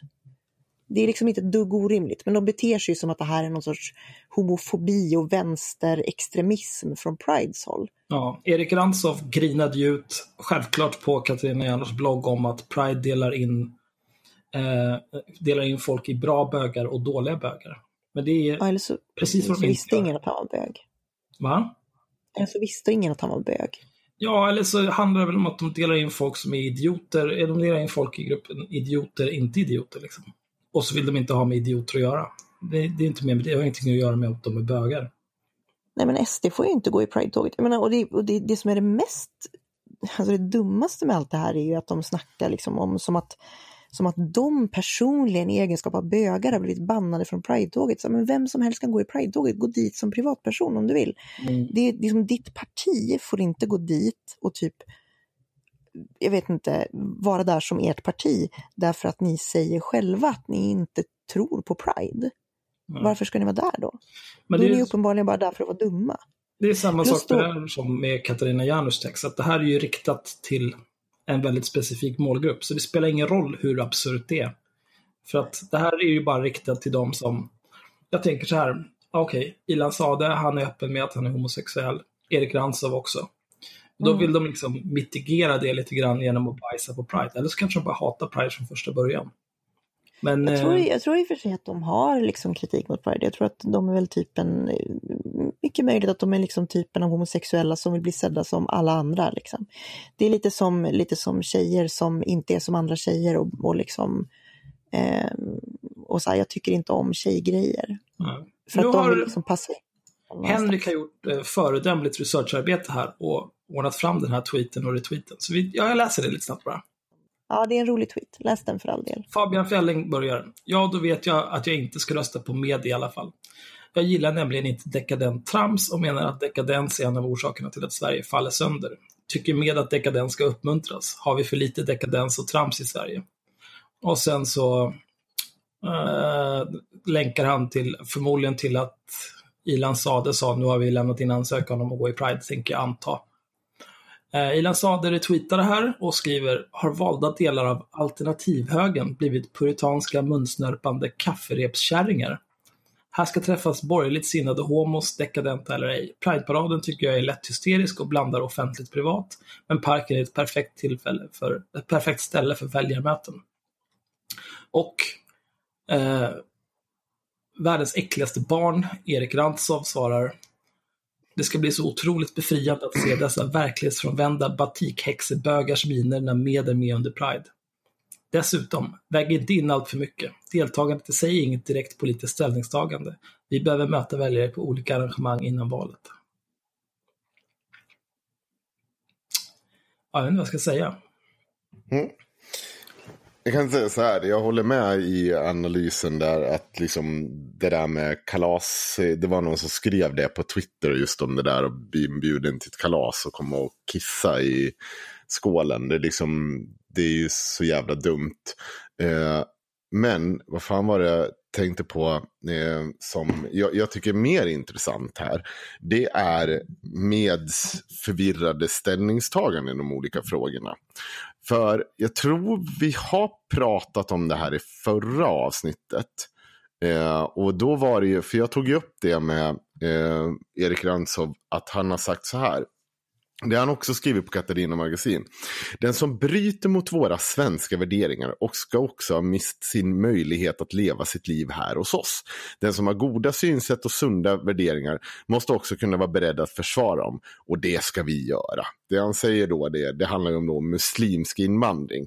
Eh, och är det så att du inte delar våra svenska värderingar ska du ut ur det här landet. Och det ska staten se till. Alltså, har du fel synsätt i det här landet så ska du sparkas ut här. Du ska censureras och kastas ut ur det här landet. Ja, det är klart. Ja. Det är ju jävligt märkligt att ha den inställningen och sen komma och grina om att du inte får vara med på ett privat, en privat tillställning. Och då hänvis, de försöker ju då hänvisa till att eh, jo, men det är, det är ju faktiskt statligt finansierat och då, då, då måste vi få vara där också. Men så har de gjort en till twist and turn här från den 2 juli. Eh, nej, förlåt, inte den 2 juli, den 15 juli. Och det är också på Katarina magasin såklart. Eh, och då säger man så här. Eh, ska se, varför försvann den länken för? Så ja, men jag slår upp den igen. Då säger man så här angående ett förbud av nazister. Ska då nazister, några hundratals medlemmar i NMR förbjudas? Nej, för det första, i Sverige så råder det yttrandefrihet för alla åsikter. Mm. Jaha. Jättebra. ja. Jaha, hur ska ni ha det i den här frågan? Ja, men det är ju, men de behöver ju inte ha några fasta ståndpunkter. Deras, deras målgrupp är för korkad. Vi ska tvärt ta bort lagen om hets mot folkgrupp. I Sverige ska vi ta upp, öppet debattera med varandra och inte driva diverse totalitära ideologier under jord. Det ska få yttra sig och det ska få mothugg. Det förtjänar. Eh, vi i Medborgarsamling vet då, eh, då att den totalitära ideologin kommer att förlora. Det är, också, eh, det är också på så sätt att en öppen debatt visar eh, på var det går fel och på andra alternativ, alternativa synsätt. För det andra, skulle NMR förbjudas skulle det också Eh, alla som har minst lika totalitära åsikter som NMR, till, till exempel diverse kommunistiska partier och rörelser, över 100 miljoner mördare under 1900-talet, och islamister förbjudas. Och var ska gränsen gå? Det finns inga objektiva kriterier för åsikter som går över gränsen. Nej, just det, fast du sa ju just, ni sa ju just det! Är du nu helt sjuka i huvudet? Alltså så här, hur svårt ska ni skriver det på samma jävla sajt. Vad har ni för jävla åsikt i frågan? Ena stunden ska, ska jag läsa det, jag läser det en gång till, vad Erik Ransov skrev på samma sida några veckor tidigare. Den som bryter mot våra svenska värderingar, som är ännu mer subjektiv än faktiskt politiska åsikter eller så, ska också ha missat sin möjlighet att leva sitt liv här hos oss. Är du galen? Men, uh, hur... En politisk organisation, då pekar du i alla fall ut ett par kriterier varför. Men svenska värderingar? Ja, det betyder ju ingenting. Det betyder ju ingenting. Och det ska du kastas ut ur landet för. Men nej, nazi, nej, det här var det värsta. Men anledningen till att man använder sånt där... Och pride, det måste vi få gå på. Va? Det har ju folk sagt till oss. Men man använder ju sånt där uppenbart vagt språk. Det är för att mottagaren ska kunna läsa in det hen vill. Ja, men jo, jo, men det är ju också sånt jävla bullcrap. Sluta snacka skit. Det här säger du att du ska kasta ut folk ur landet för att de inte har svenska värderingar. Mm, men, ja, och sen ska du, inte... Sen ska du sitta in nästa, din kollega till riksdagen sitter och säger att det här kommer vi aldrig stå bakom. Det, det, skri, han skriver ju till och med om islamister här och säga att då, då måste vi ju tvungna att förbjuda dem också. Det är helt absurt. Förbjuda allt. Har ni ingen kommunikation inom det jävla partiet? Nej, för att ni vill grina skallen av er när ni inte får komma. För att ni har stått och sagt öppet att ni ska stå och pissa på folk som kommer dit. Ni har ingen politik för det. Och folk bara, nej men vänta, då får inte ni komma på vårt kalas. Nej. För att ni, ni har ju sagt att ni ska komma hit med, med en uttrycklig åsikt att störa det. Så då vill inte vi det. För vi vill festa och kulefria. Vi vill inte ha den där fulla morbrorn som dyker upp och bara skriker massa konstiga saker. Apropå full morbror. Han inte... ja. Med Medborgerlig Samling får man ju också med Alexander Bard. och det är ju liksom, han har ju också kukat ur totalt över det här. Ja. Han grinar över oss också att vi eh, tog den här. Eh, jag skrev om det med IRM-kontot. Eh, just de här, om vi säger så, inte helt coherent eh, eh vad säger man, åsikterna. Mm. Eh, och då grinade han också och var jätte... Och så tyckte han att jag hade varit taskig mot den homosexuella Erik Ransov. Bard, som stod för en vecka sedan och sa att debatten måste få vara hård och rå. Din jävla grinolle, sitt ner i båten. Hur ska du ha det? Är det bara åsikter som du tycker är roliga? Och få, ska du bara få kalla folk horor? Och, sen, mm. och då ska det vara bra. Men när jag säger åt att du har en jävla hycklande partikollega, då är det synd om man fan är bög. Och nej, gud vad jag bryr mig jättemycket i det. Han är en idiot, oavsett bög eller icke. Ja, alltså det är ju det de här människorna måste acceptera. Liksom, att man, man kan, även om någon är bög, så kan man tycka att den personen är totalt jävla bombad i huvudet. Och det har ingenting mm. att göra med hur den personen knullar eller med vem. För det är liksom, det är inte relevant. Det är, Nej. det är dumt. Ja. Det är inte svårare än så. det är det, är det som gör dem så äckliga tycker jag. För att jag, jag har inget problem med uh, om de vill ta bort lagen om hets mot folkgrupp, det skiter jag fullständigt i. Uh, om, om det, Alexander det gör inte jag. Nej, men om Alexander... Jag har problem med det. Ja, ja det får du gärna ha. Mm. Din hora. Mm. Alexander Bard vill sitta och skrika att Annika Strandhäll med flera är horor och bla bla bla. Det får han jättegärna göra för min del också. Jag kunde inte blivit mindre. Men ju hycklandet, återigen. Då får man inte grina. Om någon då kommer och säger till Alexander Bard att han är en jävla töntbög i kortbyxor och fullt skägg, då kan han inte mm. börja grina om det. Nej. Nej, så enkelt är det. Och var det inte så att du hade någonting att säga om Medborgerlig Samling eller något av det här? Eh, du, du, skulle bygga på någonting ja, men jag tror om det. Jag täckte det där rätt bra. Jag, jag, okay. alltså, jag, alltså det var ju mer det här att det är identitetspolitik. Mm, för det har ju både, eller framförallt Alexander Bard har ju varit på grinat om det där. Att det är Sveriges... Nu har Myra skrivit i chatten att hon sitter på andra sidan rummet demonstrativt för att jag tog fram den här tweeten. Nej, jag sa att jag var på den. Jag sa att jag skulle gå och hämta någonting att dricka. Om får, jag, får jag gå och hämta någonting att dricka? För jag skulle jättegärna göra det. Nej, okej. Okay. uh, fan, vad jag om? Ja, just det, identitetspolitik. Ja, men det har vi ju redan varit inne på. Att det liksom är de behöver ingen hbtq-politik för att Ilan Saade är bög. Och det är ju, just identitetspolitik är ju någonting som den här typen av människor generellt hatar. Och då pratar jag inte om bögar. Jag pratar om högermongon. Som är för eh, den, den totala yttrandefriheten och visst ska man väl få göra det här och du vet ingenting bara för att du är det här och blä, blä, blä. Men det här är ju jag kan inte tänka mig något mer identitetspolitik än vår partiledare är bög. Vi behöver ingen politik gällande det. Mm. Jag kan tillägga också att jag faktiskt ser här i ljudvågen att jag satt för nära micken. Men jag varit eh, lite du? upprörd över all dumhet. Ja, men det är för Myra får dra ner ljudet där. så är det bara. Vi har ju tre olika ljudspår så det går att lösa. Tack, vad gulligt av dig. Mm. Ja, vad snällt. Vad har vi mer? Men, vi har, eh, vi har, jag tror jag har också Navid Modiri som har också varit lite smått dum i huvudet. Ja. Jag, jag, vill också bara ta upp den här tweeten och läsa upp den för den kom, eh, eh, eh kom för en stund sedan. Eh, och jag var fan tvungen, nej, det kom kanske för tre dagar sedan. Skitsamma. Jag såg den för så här. Eh, en viss högers planer för att komma åt muslimska extremister Förbjud organisationer, föreningar, moskéer, sjaler, simtider, skägg, skägg utan mustasch, kvinnor som ej lyder, allt. Samma högers planer för att komma åt nazister. Hörni, förbud funkar aldrig. Vi bör hedra deras ärlighet. Jag tyckte den har en poäng. det har varit ett jävla tjat om att förbjuda allting kring muslimer. Men sen, ah nej, nej, men det här med nazister, hörni, det kan vi inte gå och förbjuda. Jag tycker också det är ett fantastiskt... Jo, du, vet du vad Axel? Du skulle säga någonting om att förbjuda NMR. Ja. Det var det du skulle säga. Jag kan, jag kan läsa upp det som jag skrev bara. Eh, mm. Det var angående Förening för överlevande förbjud våldsbejakande rasistiska och nazistiska grupper. Jag kan klicka på den för att jag är grym. Någon typ av text i DN.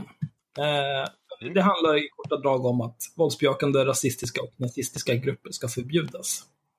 Mm. Eh, och den är skriven av den här föreningens ordförande Tommy Ringart. Föreningen Förintelsens mm. överlevande. Eh, min enda kommentar till det var det här. Eh, lika lite som det går att bli av med fattigdom genom att förbjuda folk från att vara fattiga, går det att förbjuda extremism genom att förbjuda extremistgrupper. I det senare fallet är det nog direkt kontraproduktivt. Säg att NMR förbjuds. Det skulle innebära att organisationen splittras utåt sett, men veteranerna inom NMR har varit en del av den svenska naziströrelsen i årtionden. De skulle omorganisera och försöka bli ännu hemligare, vilket skulle göra det mer kostsamt att övervaka dem. Organisationshierarkin skulle förmodligen vara snarlik den som finns idag, parentes, det är ju trots allt ett pyramidspel, slutparentes. Men Säpo skulle vara tvungna att lägga en massa resurser på att verifiera detta. Att de kan verka relativt öppet gör dem enklare att övervaka. Dessutom är det töntigt med förbud. Vad är din kommentar till det? var min kommentar.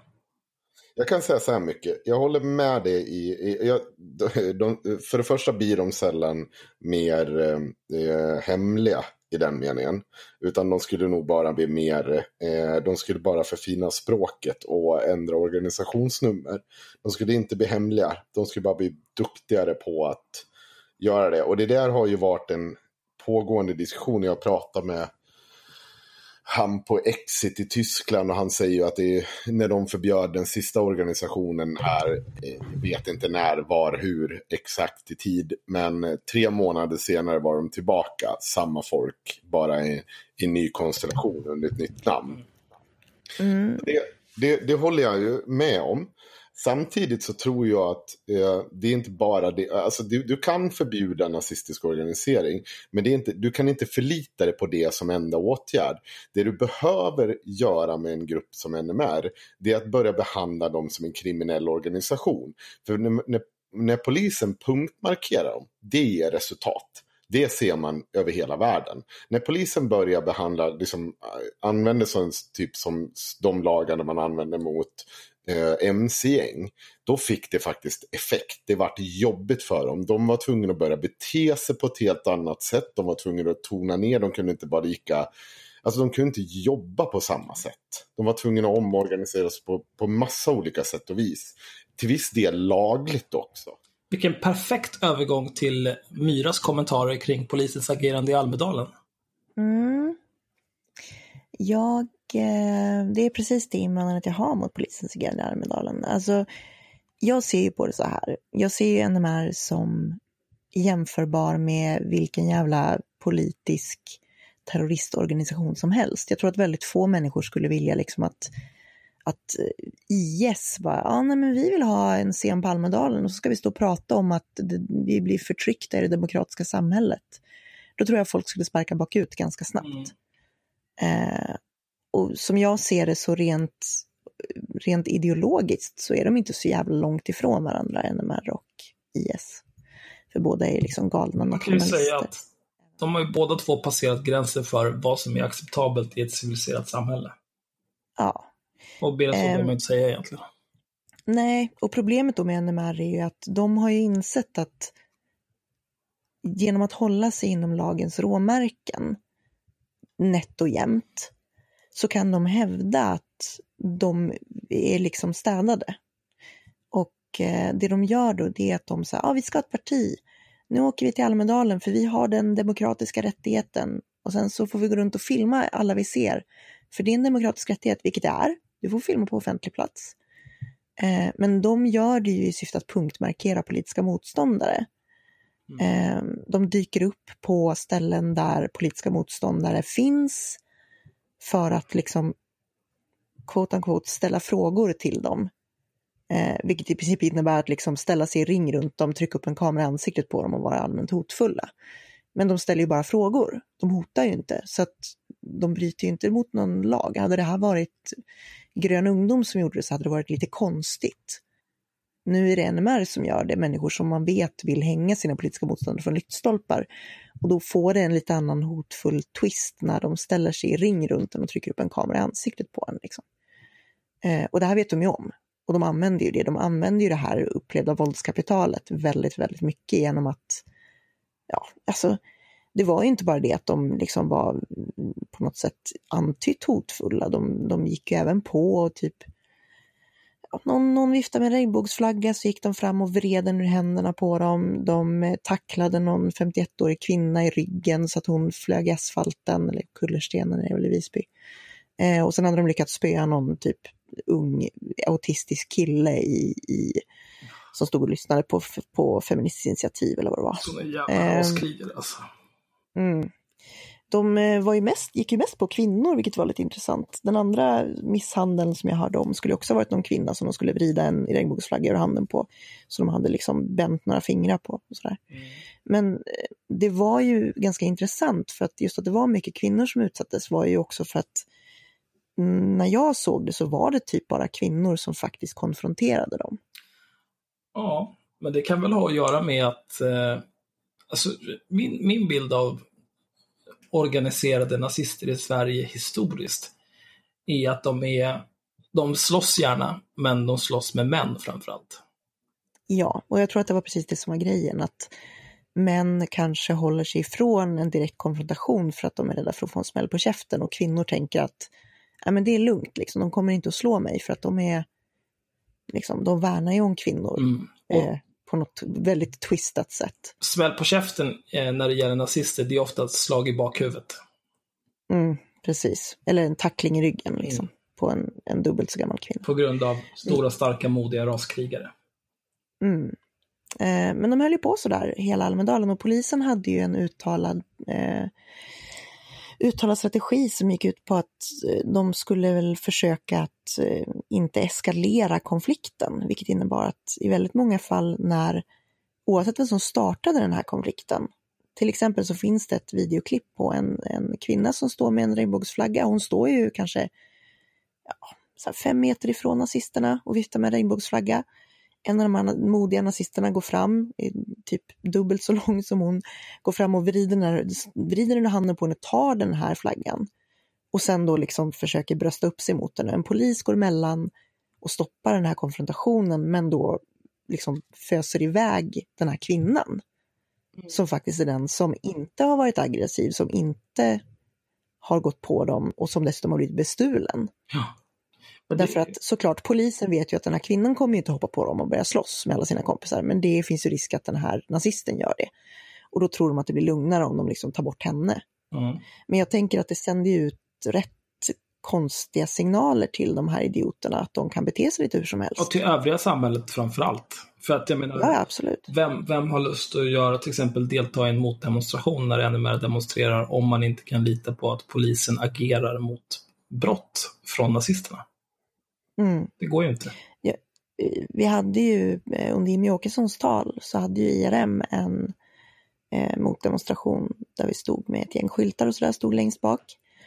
Och eh, mycket riktigt så dök ju NMR upp och skulle gå in och liksom bråka, förlåt, ställa frågor så att jag ser ju liksom när jag står och pratar med någon så ser jag liksom att ett gäng då har gått fram till tre tonårstjejer i princip som stod med tre skyltar. Bland annat en skylt där en SD-politiker utklädd till Hitler. Och eh, hade då gått fram och sagt att ah, det borde vara mer sånt där. Typ pekat på den när den här Hitler, SD-politikern står och heilar. Eh, och då hade ju någon av de här tjejerna frågat, men vad, vad menar du med det? Eller liksom, varför säger du så? Och de stod ju och diskuterade och de blev ju, som de tenderar att bli, liksom mer och mer aggressiva.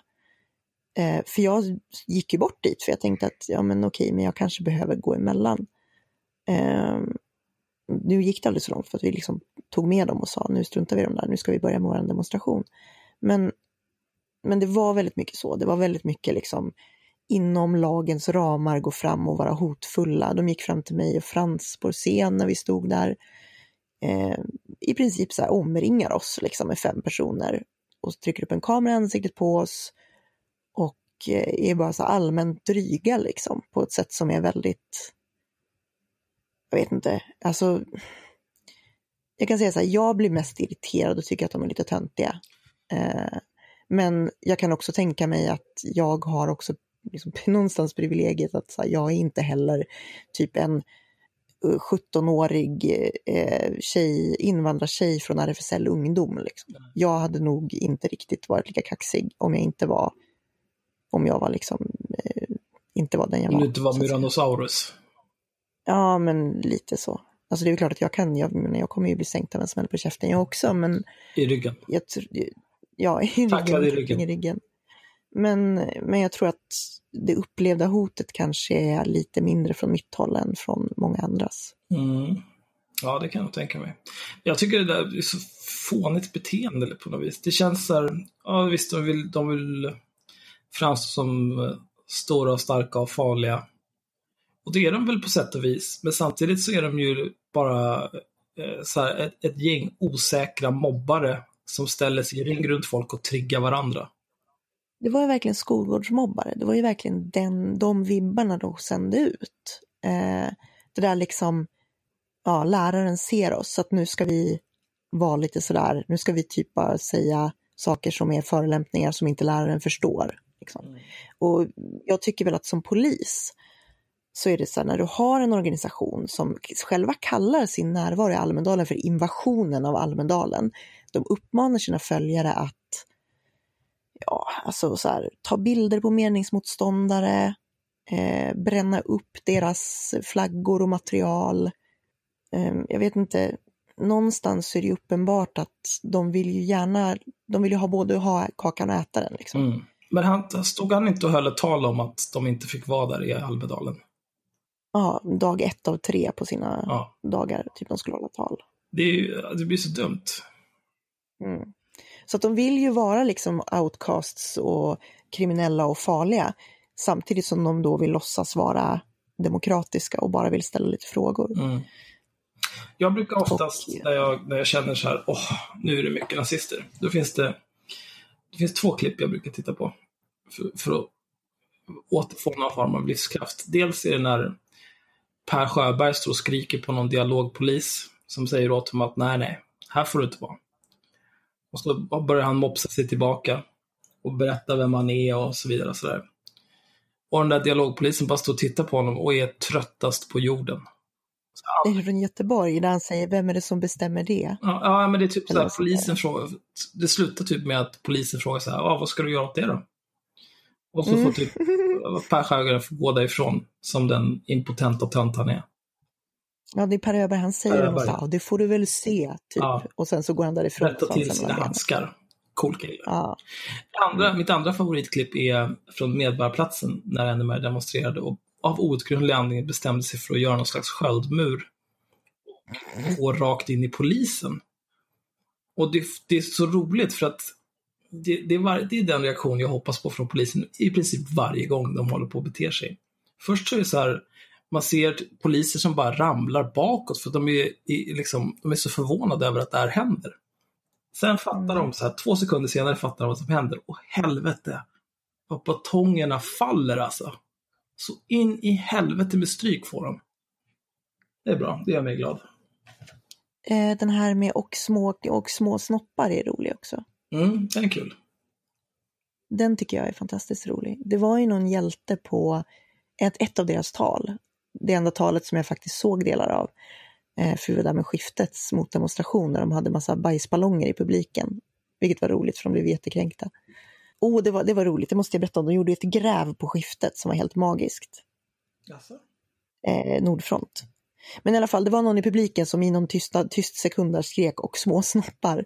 Vilket var eh, helt fantastiskt. Men jo, Nordfront gjorde ett gräv. Jag har inte, alltså, så här, disclaimer, jag har inte läst det här själv. Jag fick höra det här från eh, Robin Zackari från, från skiftet.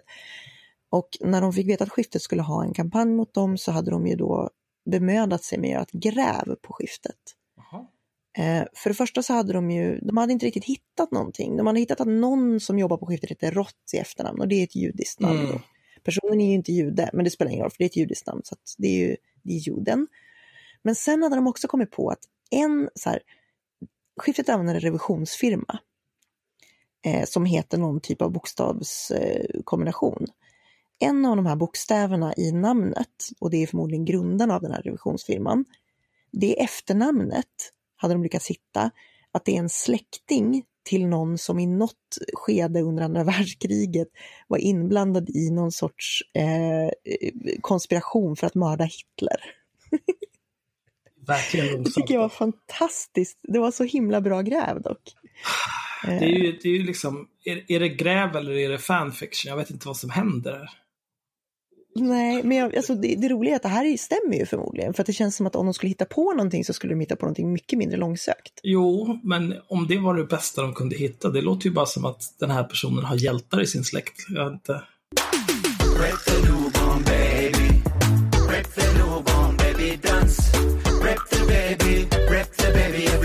The baby tonight.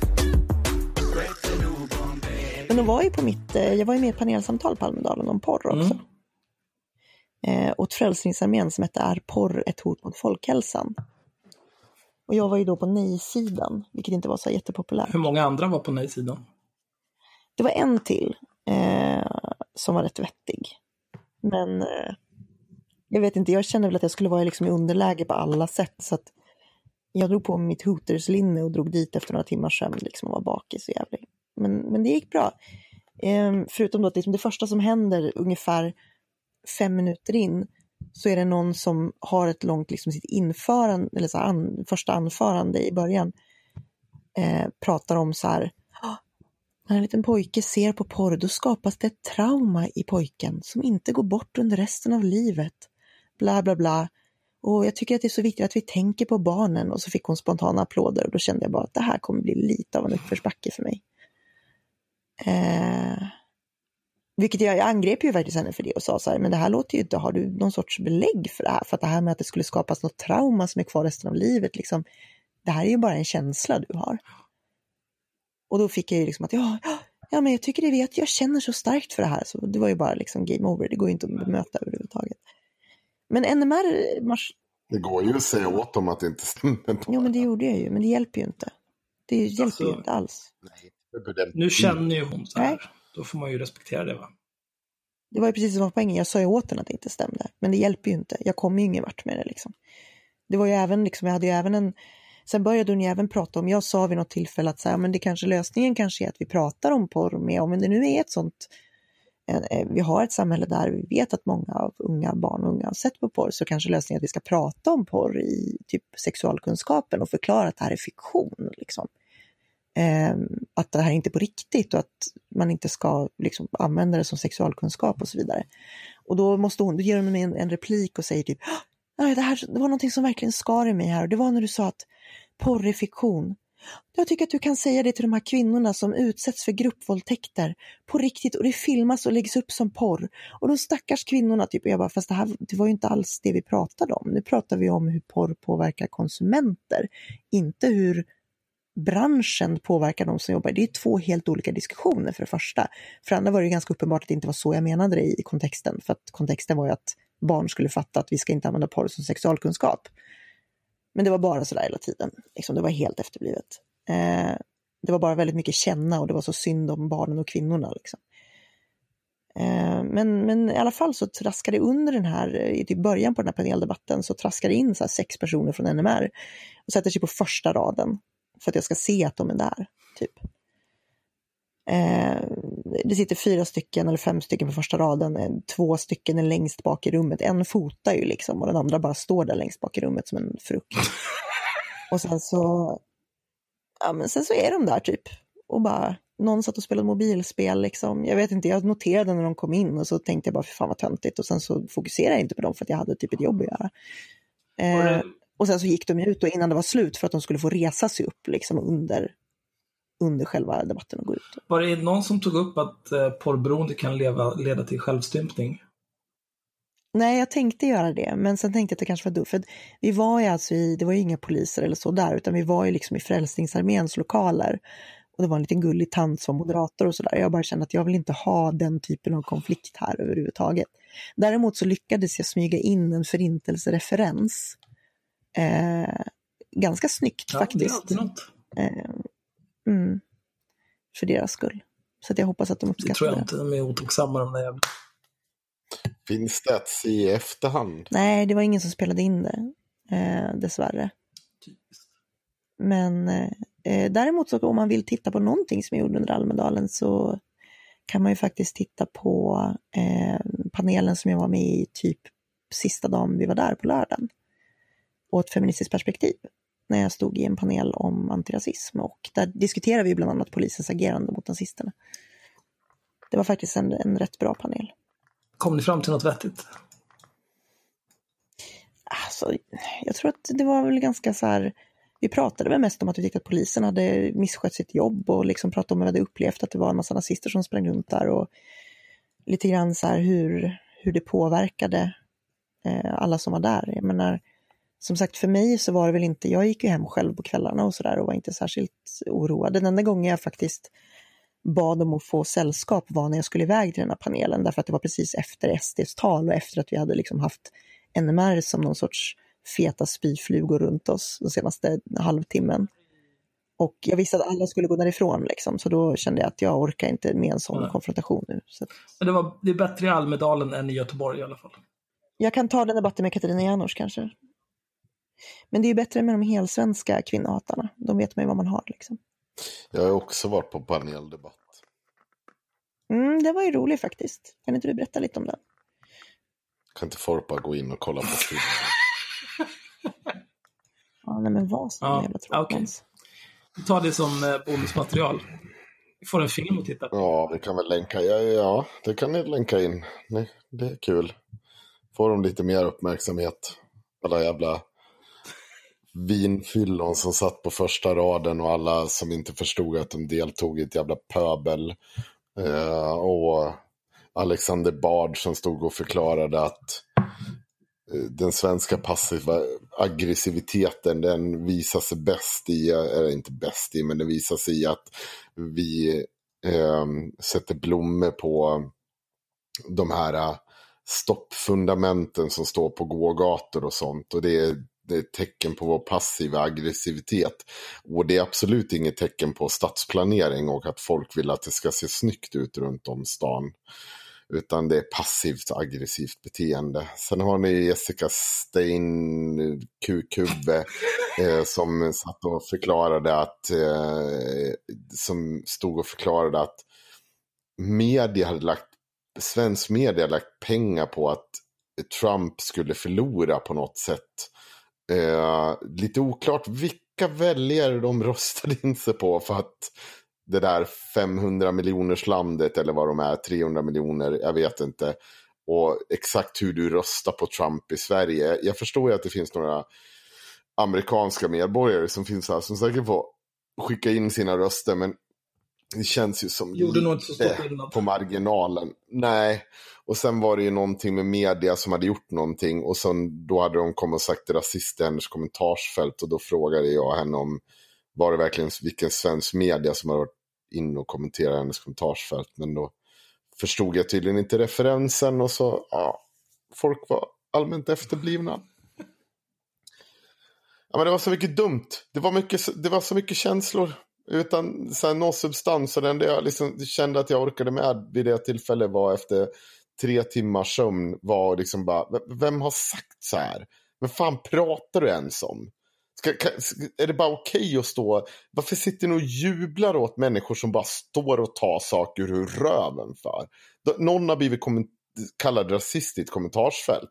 Är det någon bevis på svensk medias konspiration? Absolut.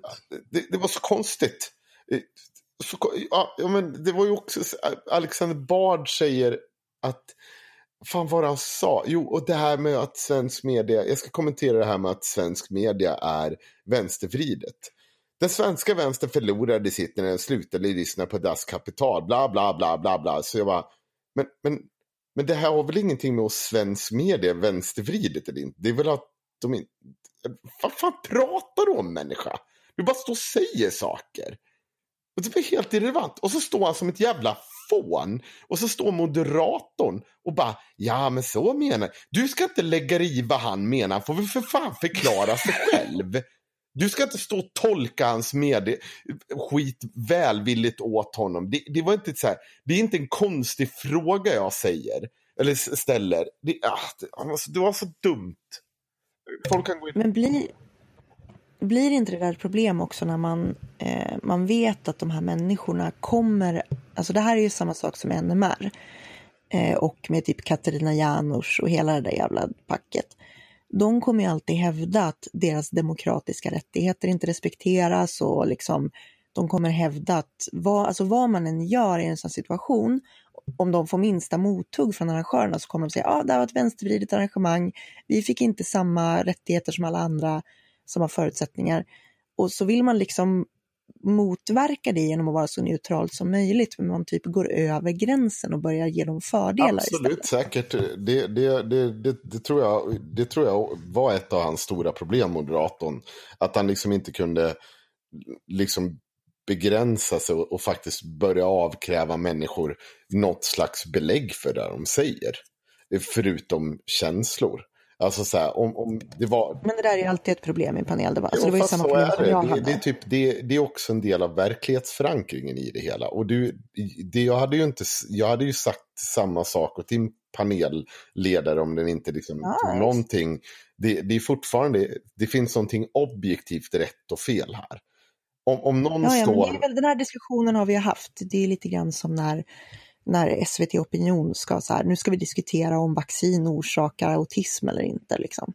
Ja, så nej, det, fast det, det, ju, det, var ju hela själva debattämnet då.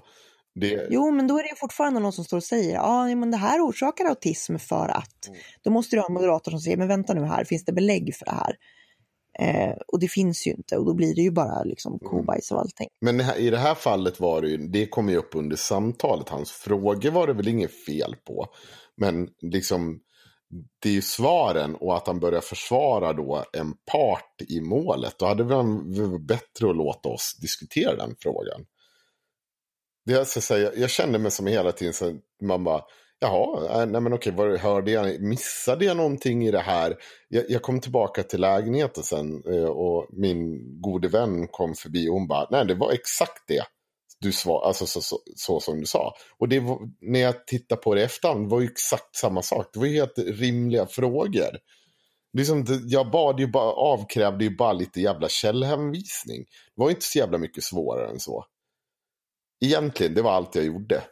Men äh, det där var samma. Kan vi, kan vi prata om Navid Modiri istället?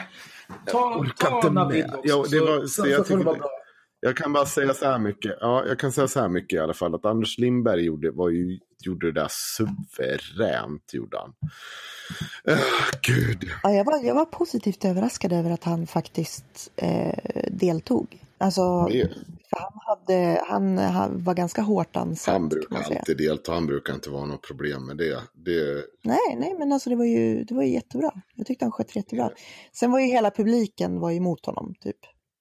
Ja, ja, det är en annan femma. Eh, men i alla fall, Navid har ju varit ut nu och berättat. Han vill ju söka mer Patreons och skit.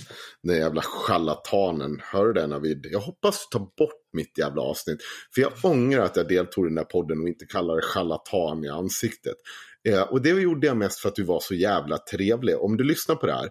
Så enda orsaken att jag inte sa det i ditt ansikte. Det var att du var mycket trevligare. Och liksom man behöver inte bara vara en douche i onödan. Men du är en charlatan. Eh, bara så att du vet om det. Det kommer jag kalla det. Om du någonsin deltar i en podd med mig igen. Så kommer jag kalla det för en jävla charlatan. Det är vad jag kommer göra. I ansikte på det. Eh, hur som helst. Eh, så här skriver jag Eh, en tweet. Socialismkrossaren poddaren och enligt stiftelsen Expo nazistsympatisören Aron Flam och jag pratar om sanningen, yttrandefriheten och public service i senaste poddavsnittet Hur kan vi? Finns på Acast och YouTube. Inget för känsliga lyssnare.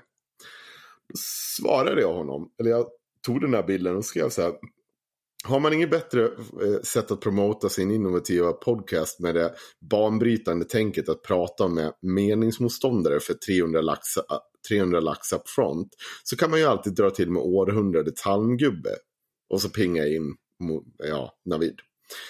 Och då vart han lite kränkt.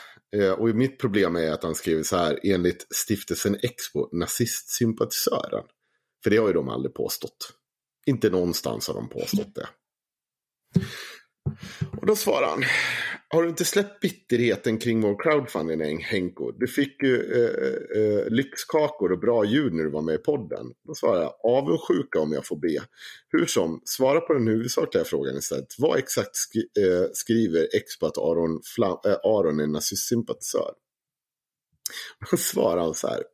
Tänkte skriva nazistpropagandasamarbetaren Aron Flam, men det blev för långt. Alltså, ja.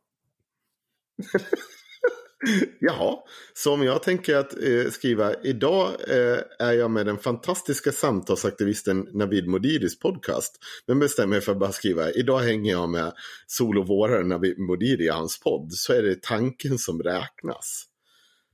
Då svarar han mig. Ja, vadå? nej, nej, jag skulle inte säga någonting. Jag bara... Är inte det rimligt? Jo, alltså det är rimligt. Jag bara chippar efter luft eftersom man är så jävla efterbliven. Ja, det, det, är två olika saker. Och då svarar han mig, nu är du tramsig och intellektuellt ohedlig och det vet du. Ditt exempel är mellan ett negativt framställande och ett positivt. Så är inte mitt. Det spelar väl fortfarande ingen roll. De har inte samma betydelse. Det är det som är poängen med det här. Nej, ditt står mellan ett påhittat och ett dålig beskrivning om varför han nämns. Så jag anser nog att min jämförelse står sig. Han nämndes som, eh, eh, eh, som en som samarbetar med en nättidning som sysslar med nazistpropaganda. Har jag fel definition då? Dela gärna hur du tolkar texten. Det, det, det är liksom så här. Jag blir så förbannad. Det är så tramsigt att hålla på så här. Eh, den, stora anledningen... Ja, men han har ju köpt Aron Flams narrativ Jo, men det, det stora anledningen... Alla vet varför Aron Flam... Eh, det är ju det jag lägger fram också. Jag lägger fram det med typ, eh, för det första, sex skärmdumpar. Och hela Twitter-searchen på alla människor Aron Flam har kallat antisemit. Poängen att han i huvud taget nämns i den här jävla krönikan, opinionstexten, vad du än kallar det. Det är ju på grund av att Aron Flam haft en svansföring som har varit till månen när det gäller antisemitism. Alltså det, då pratar vi, har du varit medlem i det socialdemokratiska partiet och du är en antisemit? Då finns det väl en ganska god poäng att nämna hans samarbete med ledarsidorna i det här sammanhanget. Det är ju det Pol gör, det är ju en pik till honom att varför sitter du på den här svansföringen när folk faktiskt delar de här typen av memes med, från antisemiter? Vad fan håller du på med för någonting? Det är ju inte, en, det är inte bara springa till skogs och grina om att du är en antisemit, för det är inte det Pool säger. Pool ger dig en pik för att du har haft den här svansföringen. Sätt dig ner i båten och fundera över det. Det är inte svårare än så. Det behöver inte vara krångligare än så. Men nej. Jag tror inte ens att det är så krångligt. Alltså jag vet, nu har inte jag pratat med Pool om det här. Men, men alltså, som sagt, tolkningen jag gjorde när jag läste det var att man vill peka ut hur pass etablerad ledarsidorna är. I och med att de har skribenter som är ganska allmänt accepterade som normala människor och inte nazister. Ja, ja det funkar ju också.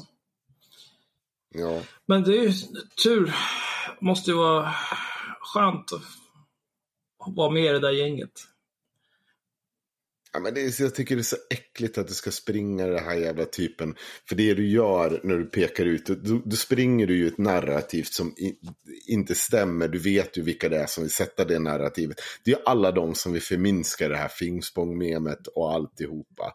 Det är bara det du vill springa. Och du är en jävla sopa, Navid, som springer deras jävla ärenden. Du är inte en samtalsaktivist, du är en profitör, du är en charlatan. Och så har du gett dig in på ett område som du inte kan hantera. Du kan inte de här organisationerna, du kan inte de här människorna. Jag tror inte att Aron Flam är en antisemit, långt ifrån. Det, absolut inte. Däremot tror jag han har jävligt svårt att avgränsa sig kring antisemitism. Och det har jag sagt i hans ansikte. Ja, men det, jag skrev ju... Jag, det, det enda av det där avsnittet jag sett som eh, Navid har gjort, det var det med Per Björklund från Nya Tider. Då skrev jag till Navid och frågade om han gör någon research överhuvudtaget innan han pratar med sina gäster. Jag pratade väl om det i förra avsnittet. Där. Mm. Att så här, han pratar om, ja, Per Björklund står och, sitter och ljuger om att när de är med på bokmässan då kommer folk fram och är arga och upprörda och börjar läsa tidningen. Men sen när de har läst ett tag, då ser de att här finns det minsann ingen rasism och då blir de helt förvånade och omvända och beställer en prenumeration. Liksom. Och sen när man åker till Göteborg blir man våldtagen. Det är bara på alltihopa. Eh, men då, då pratade jag ju om att Vavrasuk är som att det var en normal person. Det är ju liksom någon som har varit nazist i årtionden. Det är inte en normal person. Och jag såg också att Per Björklund eh, hade på sin Facebook-profil att han är sakförare at Finspångstribunalen. Mm. Jag tittade idag, nu har han tagit bort det. Märkligt. Mm. Tänk så det kan gå. Mm. Tokigt. Mm. Men han kanske inte heller kände till det där. Han kanske inte visste vad det var. Han tyckte bara att det var en kul grej. Nej, det där är, det är sånt, ja. Nej, fy fan. Ja. Jag är tom inombords och utombords. Ja. Det är precis som jag skrev till den där som hörde av sig idag. Som sa att jag var död som människa. ja, framförallt inombords. Va? Vad skulle det betyda? kan jag avsluta med det? Dagens hot dåliga hot från Jonas som har gått livets hårda skola. Ja, klart han har det.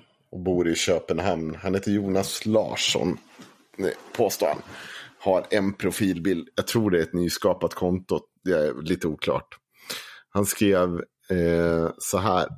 Jag ska se så att jag har öppet. Jag gjorde en eh, Linnea Claesson och faktiskt, eh, faktiskt svarade för en gångs skull. Som inte alla orkar göra alla gånger i världen.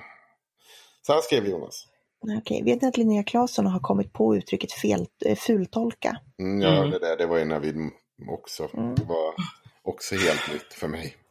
Har jag aldrig mm. hört förut. Ja, det var ju Nej. helt nytt för Navid. Han var ju tvungen att ta en paus och berätta hur jävla fantastisk och vilket geni hon är. Så var tvungen att skriva ner det.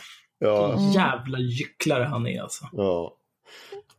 Jonas Larsson, egenföretagare, har studerat vid Livets hårda skola och bor i Köpenhamn. Han skrev till mig idag 15.03. Det är väldigt rasistiskt av dig äh, äh, att man inte kan kommentera äh, dina inlägg, varken jag eller min vän. Men det är väl så med er, stenkastarvänstern, ni är rasister. Jaha. Ganska standard med andra ord. Ja, jag måste bara påtala först och främst att jag, vad jag vet har inte jag någon inställning. Alla mina inlägg är publika. Så jag vet inte vad fan karln yrar om. Ja, så kanske framförallt borde han kontakta Facebook om det är någonting. Ja, men du har väl förmodligen satsat bara vänner av vänner kan kommentera. Nej, all, har jag aldrig gjort. Aldrig någonsin. Nej, men det är nog standard. Jaha. Jag vet inte, det är bara gissning. det tror jag får ju ganska mycket folk som kommer in som jag aldrig har sett förut. Löst alltså, folk. Jag... Ja. Jo, men du kan, de kan ju ha en gemensam vän. Det normala är ju typ att man har på vänner, alltså vänner till vänner kan kommentera. Ja, okej. Okay. Ja, skitsamma. Hej Jonas! Tråkigt att du känner diskriminering på grund av hudfärg, etnicitet eller, eller religiösa skäl. Jag föreslår att du skriver ett brev till Diskrimineringsombudsmannen så att din utsatthet blir ordentligt utredd. Med vänliga hälsningar Henrik. Och då svarar han, du är en död människa. Då svarar jag, speciellt inombords när jag tvingas läsa sådana här snyfthistorier var och varannan dag i min inkorg. Tuff bakom en skärm, skriver han då. Ja, jag hoppas att du är medveten om ironin i ditt uttalande, herr Jonas utan, e-, utan egen profilbild. Då svarar han ja på den. och då svarar jag, bra, då blev det lite mindre sorgligt i alla fall. Men bara lite. Han, hann svara okej, okay, sen blockade jag den konversationen. Jag kände att jag behövde inte den i mitt liv. Nej. Nej, det var bra så. Det är okej. Okay. Alla dessa clowner med sina anonyma konton alltså. Mm. Mm. Ibland så tänker jag att det är typ fem clowner som sitter och gör allt det här. Mm. Från Köpenhamn. För det är alltid samma jävla kommentar liksom. Det är så, ah, det, det är ni som är rasister. Bara, jaha, ja okej. Åh oh, nej. Jag, ja, jag vet inte om Jonas är mörkhyad eller av någon annan etnicitet. Nej, alltså det brukar bara vara att vi är rasister mot vita. Det brukar vara det som är. Mm. Eller mot Sverigedemokrater Jag, ibland. jag funderar väldigt mycket på hur en människa sitter och resonerar innan han skriver ihop ett sånt där mejl. Känner han att han är så jävla lyckad att hitta någonting nu? Nu jävlar. Ja, men de tror jag att de är de första som har tänkt det här tror jag. Jag tror inte att de inser hur mycket skitkommentarer man får när man håller på med det vi håller på med. Man fast får det, det där är ju standard liksom. det är inte bara skriver. det. Alltså så här, det är ju bara innebörden av det du skriver. Liksom så här, Ja, ja, hur känner det- du att det här är relevant? Hur känner du att rasism är relevant här? Det är ju det här, vi är rasister. Det här, jag har inte fått den här förklaringen. Jag har ju frågat någon gång hur jag är rasist och det är alltid så här, ja men för att ni gör skillnad på folk och folk och det är ni som tycker att typ ni tycker att det är okej att muslimer våldtar folk och ska få vara kvar men bla bla bla. Det är, så det är, så här, det är, det är vi som gör skillnad på hudfärg. Sug min rock'n'roll-kuk. Penis. Kuk, Mm. Penis är det. kuk. Jaha. Jag tänker censurera det här. Mm, jävla grabbigt. ja, jag, jag vet inte. Ni får... Ja, nu räcker det. Ska vi spela spel nu eller? Nej, men är du sjuk? Klockan är ett på natten. Men jag, jag har semester och Mm. det är det eller? Jag ska gå och sova. Jag, jag ska upp och bära samhället imorgon, så jag kan inte tyvärr. Jag vill spela spel själv då. Vi får spela spel med min brorsa, han har också semester. Han får spela eh, Overwatch som folk i så Det kan fall. han väl göra. Ja, det får du väl fråga honom om själv. Jag är säker på att ni löser det där. Jag slutar spela in nu i alla fall. Mm, gör det. Puss och Tack och kram. för idag.